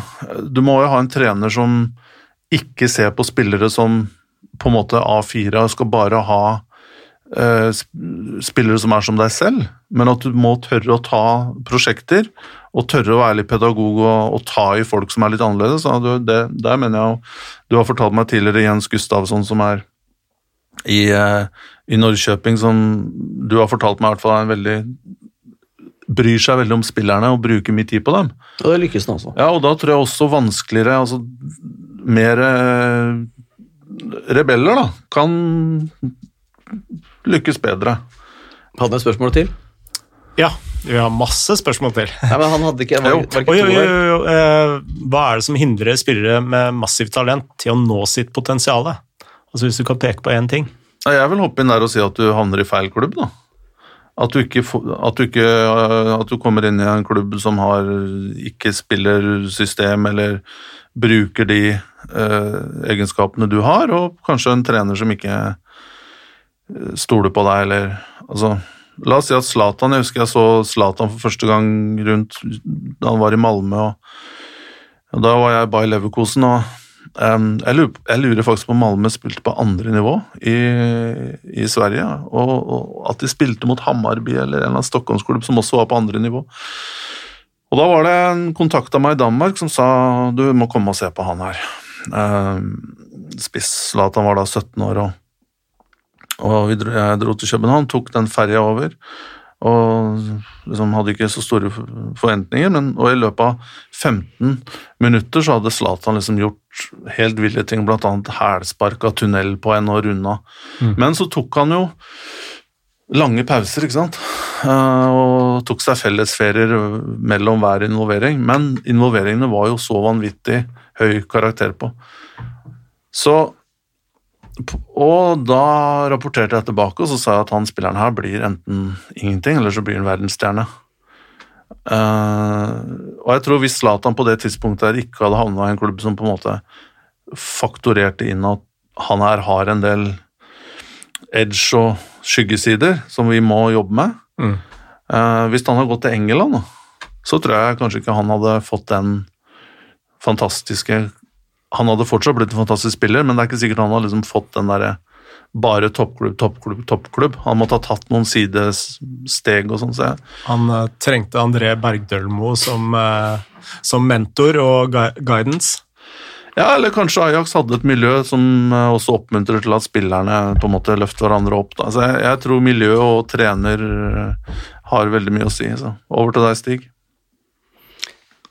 Jeg har ikke noe godt svar på det. det, det er, havne i rett miljø, havne i rett klubb, spillestil, trener som liker det. Bygge opp spilleren. Det tror jeg kan være en årsak til at det liksom går gærent. Eller går riktig. Ja.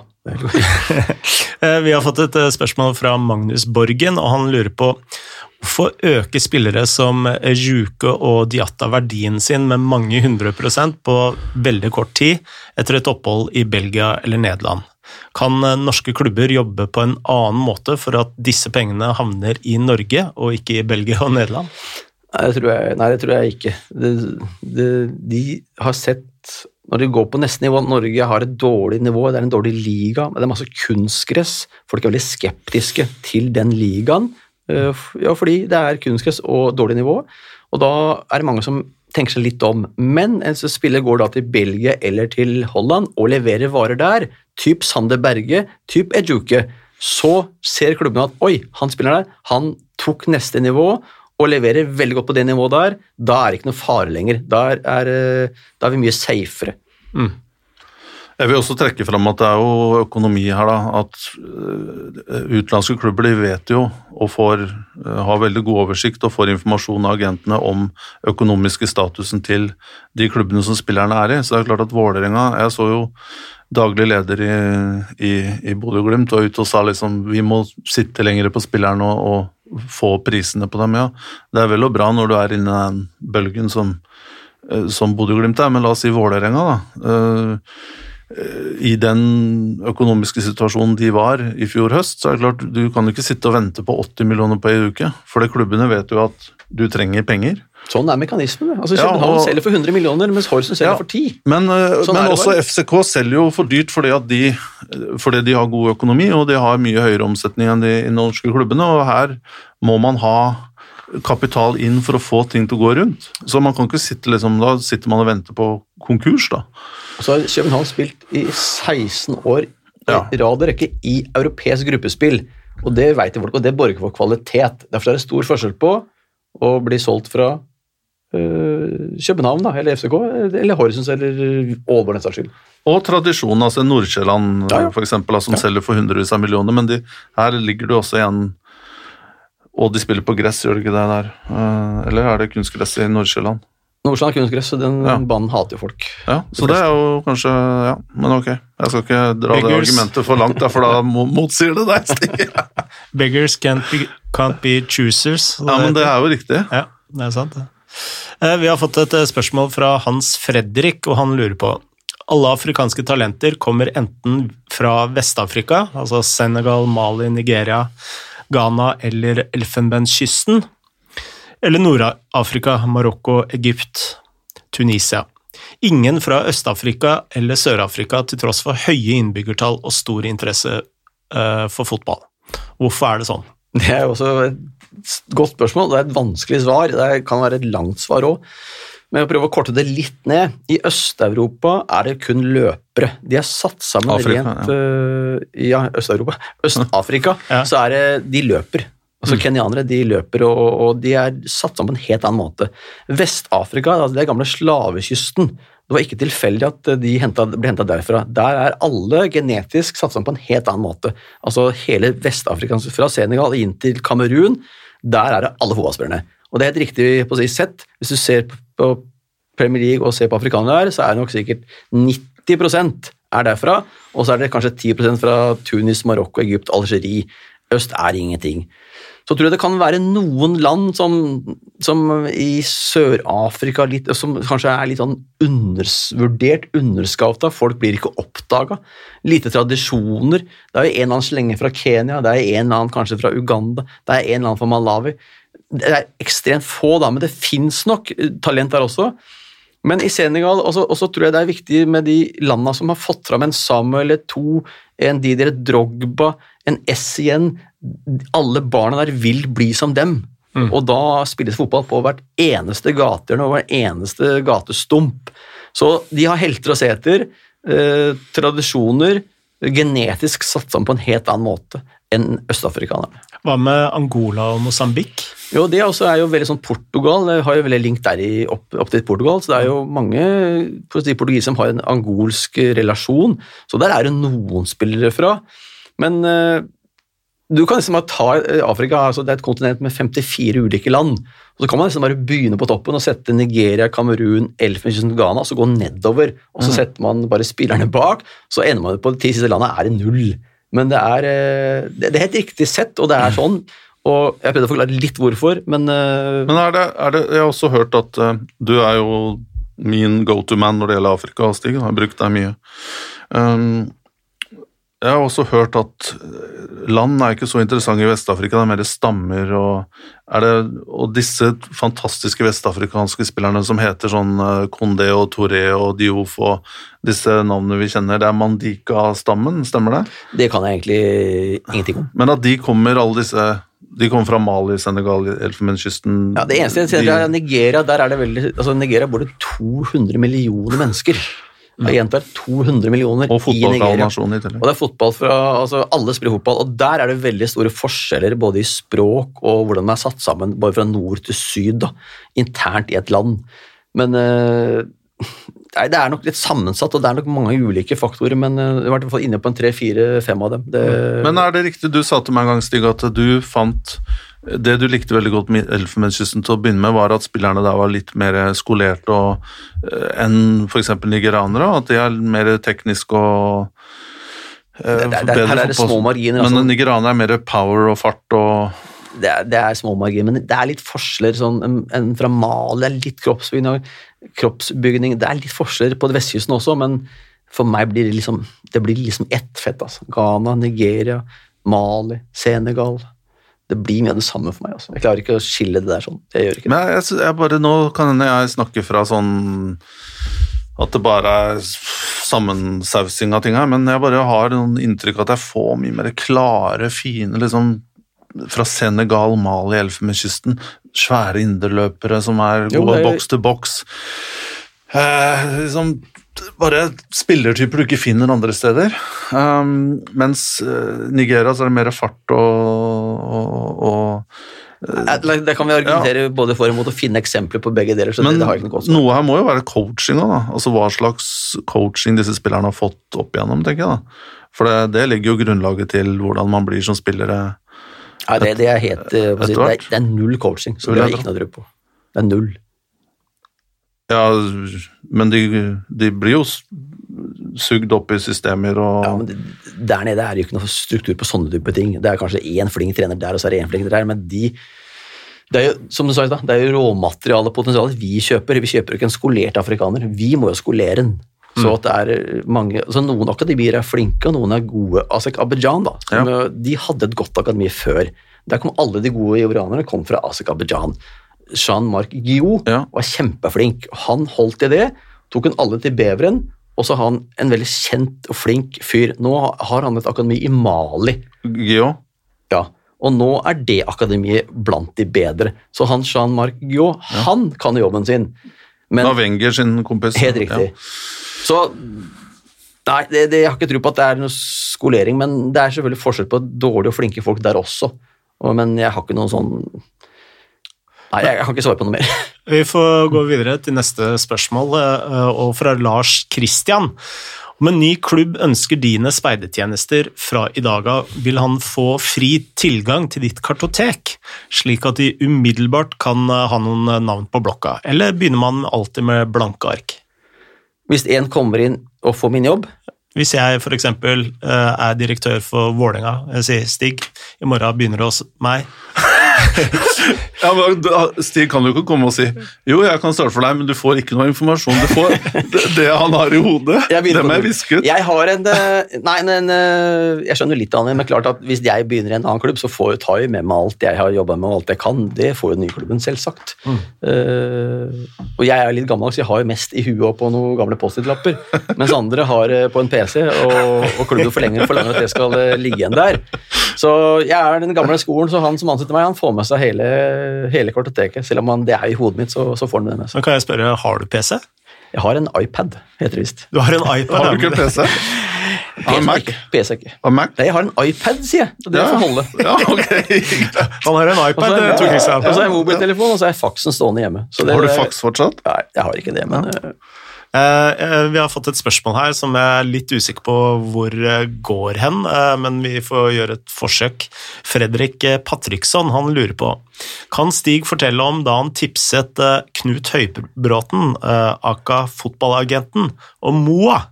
Og eh, refererer da til boken til eh, Knut Høybråten, eh, som for øvrig er en herlig bok ifølge Fredrik. Ja, nei, Den er jo litt gammel. Jeg husker ikke helt casen, men jeg husker øh, Jeg skal fortelle det jeg husker. Det var at spilleren Moa da var i Skeid. Og Høybråten jobba vel litt med Brann, eller var det Jeg, roter litt med tidspunktet, sikkert. Men jeg kom i snakk med Høybråten øh, og sa at det er en god spiller som heter Moa Abdelaue, eller Moa, da, i Skeid. Og det var ingen som visste egentlig om han. Eh, og ja det sa jeg til han, og han eh, noterte det og registrerte det, og så gjorde han vel ingenting med det. Men så litt etterpå så gikk han til Vålerenga, og gikk jo da, fikk en kjempekarriere i Vålerenga, og gikk da videre til Hannover og ble på landslaget, og gikk jo egentlig hele veien, da. Så det var jo et, et, et, eh, Og da ble han litt sånn fascinert av at jeg kunne komme til han med en spiller som spilte i andredivisjon, Ja. og, og si at han blei jævlig god. Og, og det blei han også, så det også var jo på å si Det var, det var godt sett. Eh, Og han fikk en karriere som, eh, som var veldig veldig bra. Du får ikke noe særlig bedre. Så jeg husker ikke helt akkurat gangen og snakken i det, men sånn var eh, Sånn var det vel det henger sammen. At jeg bare på å si nevnte det for han en gang at der er en god spiller. Han kan du prøve å få tak i, men han gjorde ingenting med det. Kim Jeppe Karlsen han lurer på topp tre spillere han trodde skulle bli ordentlig gode, men som ikke ble det. Ja, det, min gode venn Kim, hva skal vi si til det? Eh, det, er, det er mange jeg har på å si også ligger bak som ikke har blitt spesielt gode. Mm. Men uh, det var en, Nå husker jeg ikke hva han heter engang. Jo, Jaime Alas. Det var en fra El Salvador som kom til Rosenborg. Ja. Han øh, så jeg i to kamper. Jeg, tok, jeg reiste til Costa Rica og til El Salvador Ja. og så spilleren både mot Costa Rica og mot Mexico, husker jeg. Og han var veldig, veldig god, øh, og jeg fikk Rosenborg til å kjøpe den spilleren. De kjøpte den, og han kom og spilte vel et kvarter til sammen. Ja. Og ble fada ut etter halvannet år, tror jeg. Så det var en dårlig greie. Den, den, den egentlig kuleste saken her, det er jo negativt for meg, men den er ganske kul likevel, det er første gangen jeg var i Elfenbenskysten. Da skulle jeg gå og se på en som heter Aruna Kone. Og vi, jeg husker vi var og så på han, jeg og et par belgiske klubber. Uh, husker jeg ikke hvem klubb det var, faktisk, men jeg var der med et par andre folk. og Det var min første tur. Aruna Kone. Han spilte Rio Anyama, husker jeg. Men ingen av oss syntes han var noe særlig god. Og så kjøpte den belgiske klubben eh, kjøpte denne, en som het Adolf Toa, midtbanespiller. Mm. Eh, Klubben ville selge Aruna Kone også, men de ville ikke ha han. Men, eh, og jeg syns heller ikke han var noe spesielt god, så jeg skal ikke skylde all, all skyld på de belgiske eh, på den klubben. Men eh, summa summarum, de fikk med han på kjøpet. Ja. Så de fikk Adolf Toa for en sum, og så fikk de Adolf, nei, Arona Kone på kjøpet. Mm. Og han kom til Belgia. Han Adolf Toa blei egentlig ingenting. Han var veldig god der, nede, han blei egentlig ingenting. Men Aruna Kone, han blei veldig god. Og han gikk til Råda. Eh, Nå husker jeg ikke helt rekkefølgen, han, men han ble en superspiller. Spilte du kanskje med Paumodo Kahl, eller? Eh, Det tror jeg ikke, faktisk. Eh, Men han gikk til Råda. Han gikk til PCV Einhofen. Han var i Wiggen. Han var i Everton. Han var i Spania, og han var fast på landslaget. Så han gikk også da hele veien. Og det var en spiller som annet jeg og da den belgiske klubben, som jeg ikke husker hvem var engang, det var en liten klubb, vi så ingenting i det. Så det var sånn hvordan, hvor, hvor galt det kan gå da, når du ikke har sett det, eller kanskje han en dårlig, dårlig dag, jeg aner ikke, men jeg husker at det var en spiller som, som vi alle gjorde. Vendte tommelen ned, og så tok han faktisk Han tok han gikk hele veien. Helt av, ja. Og ble landslagsspiller, og spilte også for uh, Elfenbenskysten i VM, når de var gode. Det var to. eh, det var, kom en spiller til til Sidwan, som gikk til Vålerenga òg, som også jeg trodde skulle bli kjempegod. Han er det et spørsmål om her, by the way. Tror Jonas Jævre. Ja, eh, men da kan jeg bare ta det nå. Ja. ja, for han eh, spør eh, bare Sidwan, Sidwan. han, Ja, han, Spørsmålstegn. Ja, han også var fantastisk. Vi var, også, vi vi var i Benin, husker jeg, og så på en turnering, U17-turnering. og det var, Benin hadde en spiss som var sinnssykt god. Han hoppa høyt og skjøt hardt, og det var ikke måte på. Og han, kalt, eller han ble omtalt som en blanding av Drogba og Eto'o. Oi! Og det sa han sjøl òg. Også. Men han var veldig veldig god. Men vi så han i bare 60 minutter, for han ble skada, husker jeg. Så han måtte gå ut av den kampen der sånn. Eh, og han også var eh, bare 17 år, så han måtte vente et år før han, eh, før han kom. Og han kom da til Vålerenga. De kjøpte han egentlig bare på mitt tips, og, og tok han egentlig usett på mitt tips. Men det gikk jo helt i, rett og slett i dass. Så han uh, fikk vel en tre-fire års avtale og spilte, spilte fem kamper. da. Han spilte mot Liverpool, tror jeg, i en sånn oppvinningskamp uh, i på den North Cup-saken. Ellers så var det spede inn opp, så det, det var sånn veldig, veldig dårlig case. Hvor ble det av han, Stig? Er han eh, rundt, eller? Han tror jeg faktisk har truffet en norsk dame og bor i Norge. Ah. Jeg har ikke noe kontakt med han, men øh, på Facebook ser jeg at han er, og der uh, legger han ut noen bilder. Han, han, jeg tror han bor i Drammen. jeg vet ikke hvor det er hen, så ser jeg, jeg bare tenkt at han bor i Drammen. Det har lykkes for han nå, da. Eh, ja, Han har lykkes på andre måter, da, for han eh, ble ikke noen fotballspiller etter det heller. Han gikk jo til en belgisk klubb han etter Vålerenga-eventyret, og det også gikk dårlig. Så det, det gikk rett og slett dårlig. Det var tre. Bra. Eh, Bård eh, Ersnes han eh, lurer på hvordan oppdaget du, oppdaget du Marek Zappara?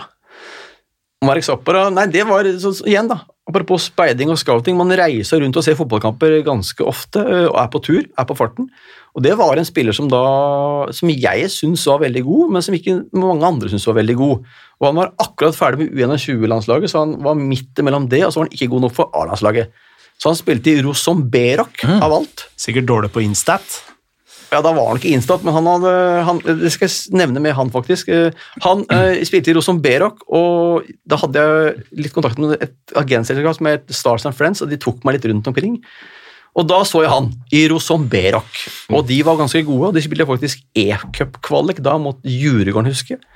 Men jeg hadde sett en del kamper, eh, og, og i, i Slovakia, altså vanlige scoutingturer, reise rundt og se, oppdaga en spiller og syntes han var veldig god. Og da kommer den der, den der eh, som jeg da fikk fra Rosenborg, for da måtte jeg liksom gi ja, hva er god og dårlig på? Så fikk jeg sånn sjekkliste. Og jeg sier ja, han, han kan ingenting av det. Han kan ingenting av det, men han har bare alt. Men han er ikke veldig sterk, han er ikke rask, han kan ikke nikke, han kan ikke takle, han er ikke spesielt løpssterk heller. Men han er bare jævlig god. Ok, ok, og så dro Trond Henriksen og Ben Skamsen Høyrebeinet var ikke så gærent. Nei, ja, altså, han, altså, han har fotballforståelse til høyrebein, det hadde han jo, men han hadde ikke noe av det andre. Og det hadde han ikke heller, men han bare hadde det inni her. Eh, og så dro, dro Trond Henriksen og Bent Skammelsrud for å dobbeltsjekke om det kunne stemme, det jeg sa. Og da ringte de hjem etter et, etter et kvarter og sa 'løp og kjøp'. Eh, ringte vel hjem til Rune B eller Per, jeg husker hvem som var sjef der. Men da ringte de hjem og sa at det der er bare å kjøre på. Så det var jo blei en, en av kanskje mine beste signeringer eller sign, Jeg har jo ikke signert noen, men det var nok en av mine beste tips ever. Det er mange som har den faktisk på sånn all-star-lag i Rosenborg, og det er jeg litt stolt av, det òg, faktisk. Så han, eh, han blei jo en fantastisk spiller. Og da husker jeg også vi hadde jo et tilbud fra Besiktas på 30 millioner. Det var ganske mye penger da. Eh, Men da takka vi nei, eller Erik Hamre nekta selv. Og da gikk han til Tyrkia et år etterpå for ti eller noe sånt. Men han uh, spilte seg inn i alles hjerter. Han blei likt. Han hadde første trening, han var en dritgod. Han ble kamerat med Steffen Iversen, kom inn i miljøet med en gang. Blei godt likt fra dag én, og da gikk det bare én vei. Det var forover, faktisk.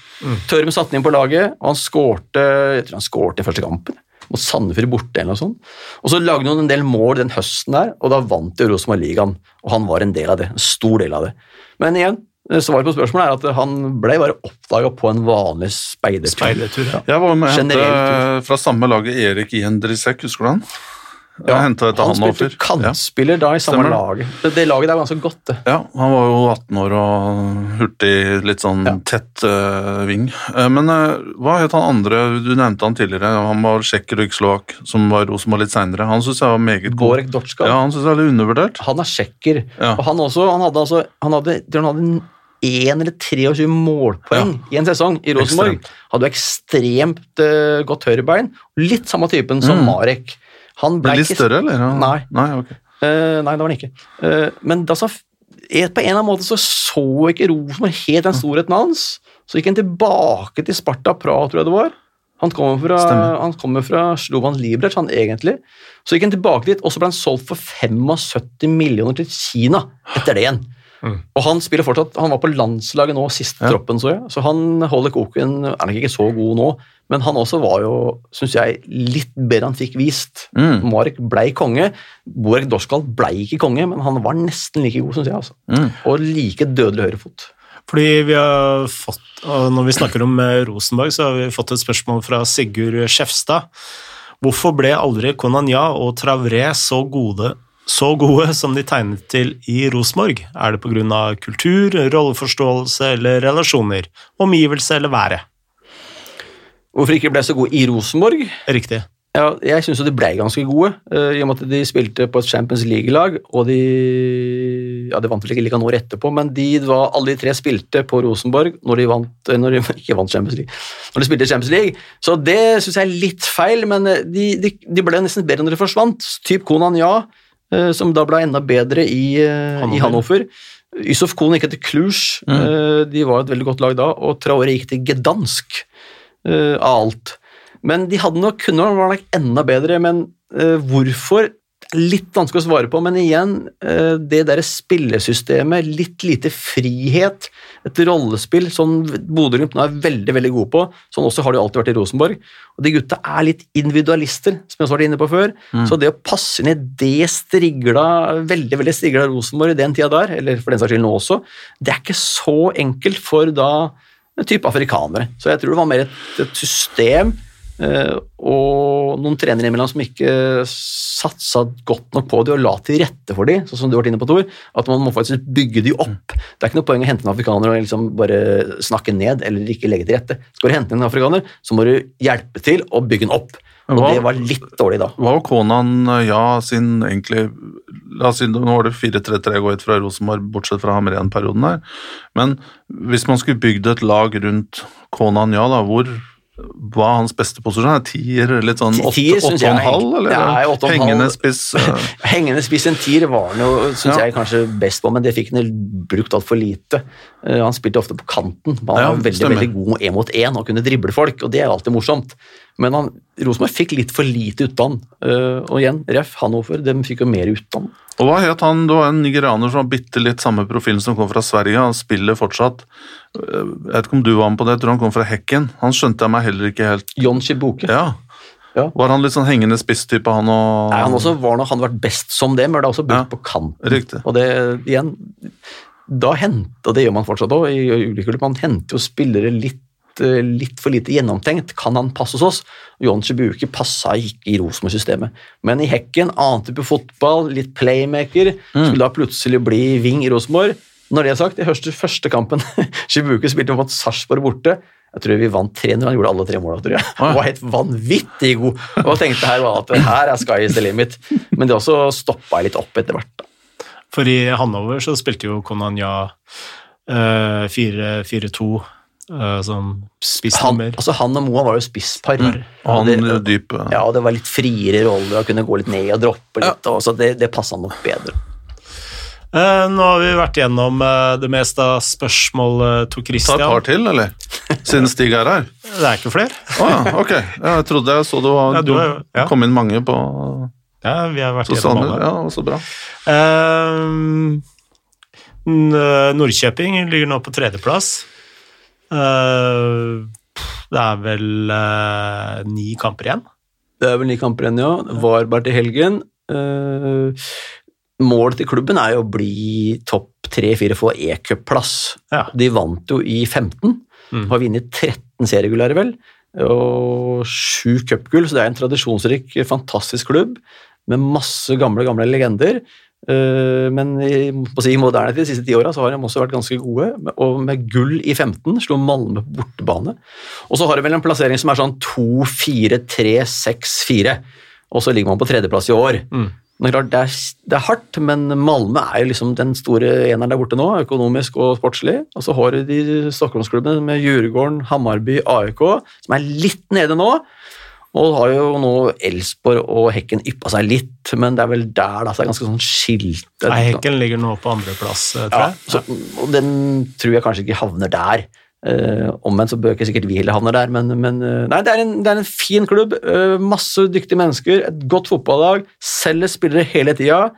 har trygg og veldig veldig god økonomi, basert på én ting spillesalg. Og det, Nå snakker jeg for meg sjøl igjen, men det, altså de, de har solgt så mange spillere for skyhøye beløp i svensk målestokk, og det er det de har, nå har de 150 millioner på banken. Og det er ganske sterkt den klubben her. sånn. Og Stig, eh, mens vi har deg her, som jeg sier, fortell oss litt om den islendingen. eh, 0-1, er han ikke det? Eller 0 Isak ja. Bergman Johannesson, 0-3. 0-3, ja. Han har nettopp. spilt nesten alle kamper for Norrköping i år, og han har eh, den som jeg sier som Marek Zappara har. Han har egentlig Han er ikke kan løpe, ikke han takle, ikke han nikke. Han har egentlig ingenting av det. Han kan løpe, selvsagt, men dere skjønner at jeg overdriver. Men han har også det hele. Han har alt. Han har en ekstremt høy fotballforståelse som jeg setter pris på, og som jeg ser på først når jeg ser fotballkamper. Ikke om han er hurtig eller hopper høyt, men han har en ekstrem fotballintelligens.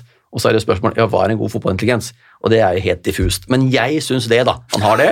Og så har han et veldig godt venstrebein. Som er litt sånn pasningsfot à la Zapara, men det er venstre, da. Og så har han en, en, eh, en syke som er helt ekstremt god. Han skal bli fotballspiller. Han tar konsekvensen, og han trener dobbelt hver gang. Hver dag. Og nå var han klin forbanna, for nå ble Islands U21-kamp. Han er tatt opp på U21. Han kan spille der i fem år til. Han er fem år for ung. Nå har han spiller på det laget der, og da fikk han en kamp mot Italia avlyst pga. korona. Og da var han helt rabiat for han hadde ikke fått trent på to dager. Så det syns han ingenting om. For dette er sønnen til, Er det sønnen eller barnebarnet til Gudjon Tordarsson? Ja. Tidligere start. Alle på Island er i familie, så det går helt i surr for meg. Men uh, han er Ja. av en annen kar. Og han er- er en eks-fotballspiller. Ja, er tidligere starttrener, Ja, og eh, nåværende uh, starttrener Johannes uh, Hardarson er vel onkel eller noe Det sånt. er, det er et eller annet. Ja, og det det, har jeg ikke klart å sortere. Eller Men han kommer fra fotballfamilie, og han har gode gener, og de sier at han kan nå lengst av alle de i den fotballfamilien der. Og det tror jeg kanskje han kan gjøre også. Og han har en verdi som er egentlig veldig, veldig høy, men jeg veit jo at der er litt sånn Liverpool, City, Ja, Juventus Dortmund, Juventus, ja. Atletico Madrid. Det er ikke Mechelen og Nordsjøland og sånn på han, altså. Og om han blir så god, det er veldig vanskelig å svare på, men han har alt som skal til for å bli veldig god. Og så er det da 0-3. Joey Gudjonsson heter faren. Tidligere Coventry og forskjellige ja, engelske klubber. Er. Men, eh, og så solgte du jo allerede en han som gikk til CSKA Moskva som Arnar Sigurjonsson, Ja, det var jo da en annen islending vi hadde, som kom fra Akranes, som ble solgt til Moskva etter en, egentlig bare en halv sesong, som var ganske god, For masse penger. for nesten 40 millioner kroner. Og Isak Bergman han går for mer, Ja. det er jeg ganske sikker på. Eh, Jordan Larsson gikk for 35 til CSKA Moskva, nei, til Mm. Spartak Moskva. Og så har vi hatt masse sånne salg. Moberg Karlsson, Niklas Eliasson, nå Rasmus Lauritzen. Eh, det er, kommer flere, og det har vært veldig mange. Og det gjør at klubben er veldig trygt loada økonomisk. Da. Det er en veldig veldig flott klubb på mange måter, syns jeg i hvert fall. Så Isak Bergmans, eh, Berg Johansson han skal folk få høre mer om etter hvert. Eh, Han har spilt da nesten alle kampene, og når folk ser ham, så tenker folk er han så god? da? Det er ikke så lett å se det, faktisk. sånn at Han er ikke sånn, som jeg sier, han dribler ikke 100 mann, han løper ikke forbi alle folka. Han er ikke noe rå i duellspillet, men han har bare det her inni, inni hodet sitt, og fotballgrensen er ekstremt høy. Og han var, var du, du så han og scouta han i Akranes, eller? Nei, de har det skal ikke jeg påta meg, fordi han spilte, han spilte faktisk eh, hva heter det for noe, nordisk på Færøyene for da, to og et halvt år tilbake. og Der var U16, ikke jeg. Der var ikke jeg. Eh, og vi hadde egentlig gitt opp, fordi alle ville ha han. Så vi gadd ikke altså, engasjere oss i det hele tatt. Fordi spilleren eh, altså jeg, PSV ville ha han, Ajax, eh, Juventus, København Alle ville ha han. Så vi det, det, bør ikke bruke tid på det. Og så kommer han og sier at nei, men jeg vil til Norrköping. Hva? Jo, jeg vil til Norrköping. Jeg Arnor, Arnor er favoritten min, og det er min store helt, så jeg skal gå samme ruta som Arnor. Jeg skal først til Norrköping, og så skal vi gå videre etterpå. Og det er jo igjen vi er inne på i stad, det er jo smart å ta gode valg. Og jeg sier ikke at det er det beste valget, men, men det er kanskje smart å ta et mellomstepp, da. Og han er, som sagt, han var 0-3, han kom til oss da han var 15 år. Og hadde du gått i det store hjulet når du var 15 år, så er det ikke sikkert du hadde vært så god som han er i dag, da. Så det der skal bli veldig spennende, på, spennende å se hvor han, eh, hvor han havner. da. Han kan selvfølgelig havne i en kjempeklubb og ikke lykkes, men eh, jeg tror han lykkes. Det, alle sonemerker tyder på det, i hvert fall. Hva er din favorittspiller sånn av alle spillere i verden, Stig? Nei, Tidligere er Drogba? nei Johan Cruyff må det bli. Ok. Ja. Ikke Drogba, jeg trodde han var høyt oppe. Ja, han var det, men Ja. alt går i poker. da. Det er veldig vanskelig å sammenligne spillere fra i poker. Jeg er jo blitt altfor gammel, så jeg tenker jo på VM i 74, 78 og alt det der sånn. Og da, mine helter kommer foran. Altså Kevin Keegan, Johan Cruyff, det er mine helter. Drogba Jeg ser hårstilen har jo latt deg inspirere. Drogba ble det etter hvert. Men eh, nei, må, da må jeg si Kevin Keegan og Johan Cruyff. Og Drogba som kanskje den største afrikanske helten etter hvert. da. Og ikke Shivatse. Nei, jeg har ikke noe sånn spesielt forhold til han. Det kan jeg ikke si. Fin bart, da. Bra. Eh, da er vi i mål, Tor Christian. Ja, jeg har bare et spørsmål. Er George Vea var han bedre enn Drogba? Syns jeg. Mer komplett, eller har Vanskelig å Nei, det er vanskelig å svare på. Spilte jo Milan, altså, sånn, da kom han inn han Jeboa altså, som var elite, så banka en gold i hytt og pine. Men Vea hadde jo selvfølgelig en fin karriere og god på den tida der, sånn da, og, og spilte i Milan, som, ville også borge for kvalitet. Men jeg syns det er vanskelig å sammenligne. E2 var han bedre enn Drogba? Altså det, blir, Ja, det er vrien øvelse å sammenligne og, og, og si hvem som var best. Man kan si hvem man likte best, men hvem som faktisk var best, det syns jeg er veldig Hvem var best av Frans Beckmar og Johan Cruyff? Var det et retorisk spørsmål? Jeg, skal, jeg har ikke sett ja, for det er vanskelig å svare på sånne type ting. Ja, Det men er- Vea og Drogba har jo sett og E2, da. men jeg syns det er veldig vanskelig at folk liksom sier eh, Maradona var bedre enn eh, enn Cruyff, liksom. Ja, det Når er ikke har sett noen av Men dem, bare Drogba spilte altså i Chelsea og i Premier League og Ja. banka en goal. Og spilte på det høyeste nivået du kommer, da. Ja. Og tok med seg landslaget til to VM-sluttspill også. Det var han som var kongen der. Så han har jo nesten fått til aller, aller meste. da. Det ble folk av VA òg. Ja, ja, ja. Det, jo, jo. Men eh, nei, jeg, jeg, jeg er litt blenda, for jeg er ivoriansk, eh, har jo vært der 30 ganger. Har, du få- har du pass nå? Diplomatpass? Nei, jeg har vel ikke det. Jeg har et vanlig pass. Det er sånn når er, du kommer på flyplassen i Abidjan, der er han der igjen. Nei, altså Før igjen da, så var det veldig uvanlig å reise Elfenbenskysten og Abidjan, da, eller andre ulike byer i Vest-Afrika. Det var jo liksom veldig uvanlig, så da var det jo alltid vi som alltid, men nå er det, altså verden er mye mindre. Du kan jo møte, liksom, kan jeg møte en fra Stabæk, en fra Ålesund, en fra Hammarby, en fra Djurgården. Når jeg er på en turnering i, i, i Tanzania, eller hvor pokker jeg er hen. Så det er jo mye mer utbredt nå, det er mye flere om beinet, så det er mye vanskeligere i dag enn det var da for 15 år tilbake. Nå kom jeg plutselig på noe som jeg skulle si i stad. Eh, angående hvorfor ikke da Balkan eller Slovakia eller Slovenia, hvorfor ikke bare reiser dit nå? Eh, da har jeg to gode innspill, syns jeg selv. Det er at prisen her er blitt mye, mye høyere, så det å hente gode spillere derfra er veldig vanskelig til den prisen som vi kan betale. Omvendt, når jeg går og ser på en U19 eller U21-kamp som Slovakia eller Slovenia spiller, så er det alltid Westham, Everton De er henta når de er 14-15-16 år, går til toppklubba, så da er det helt sjanseløs.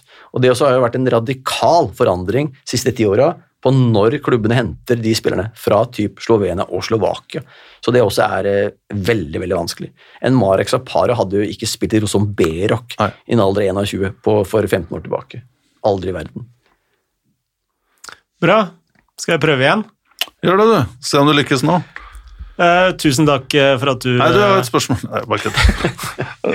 Du kan uh, si tusen takk, du nå, Tor Christian. Ja, tusen takk Si tusen takk for lytterne. Gode spørsmål, og håper å På gjenhør. Um, ja, jeg er ikke så for- god til den rollen der. Nei, ta, takk for besøket, Stig. Ja, jeg glemte det. Tusen takk, Stig. Alltid hyggelig å se deg. Det er det viktigste, egentlig. Uh, utrolig interessant å høre på deg. Og som alltid, veldig mye gode, uh, gode poenger. Og da sier vi, som vi alltid sier her i Shivatse, das svedanja og tre vodka ned. Moderne media.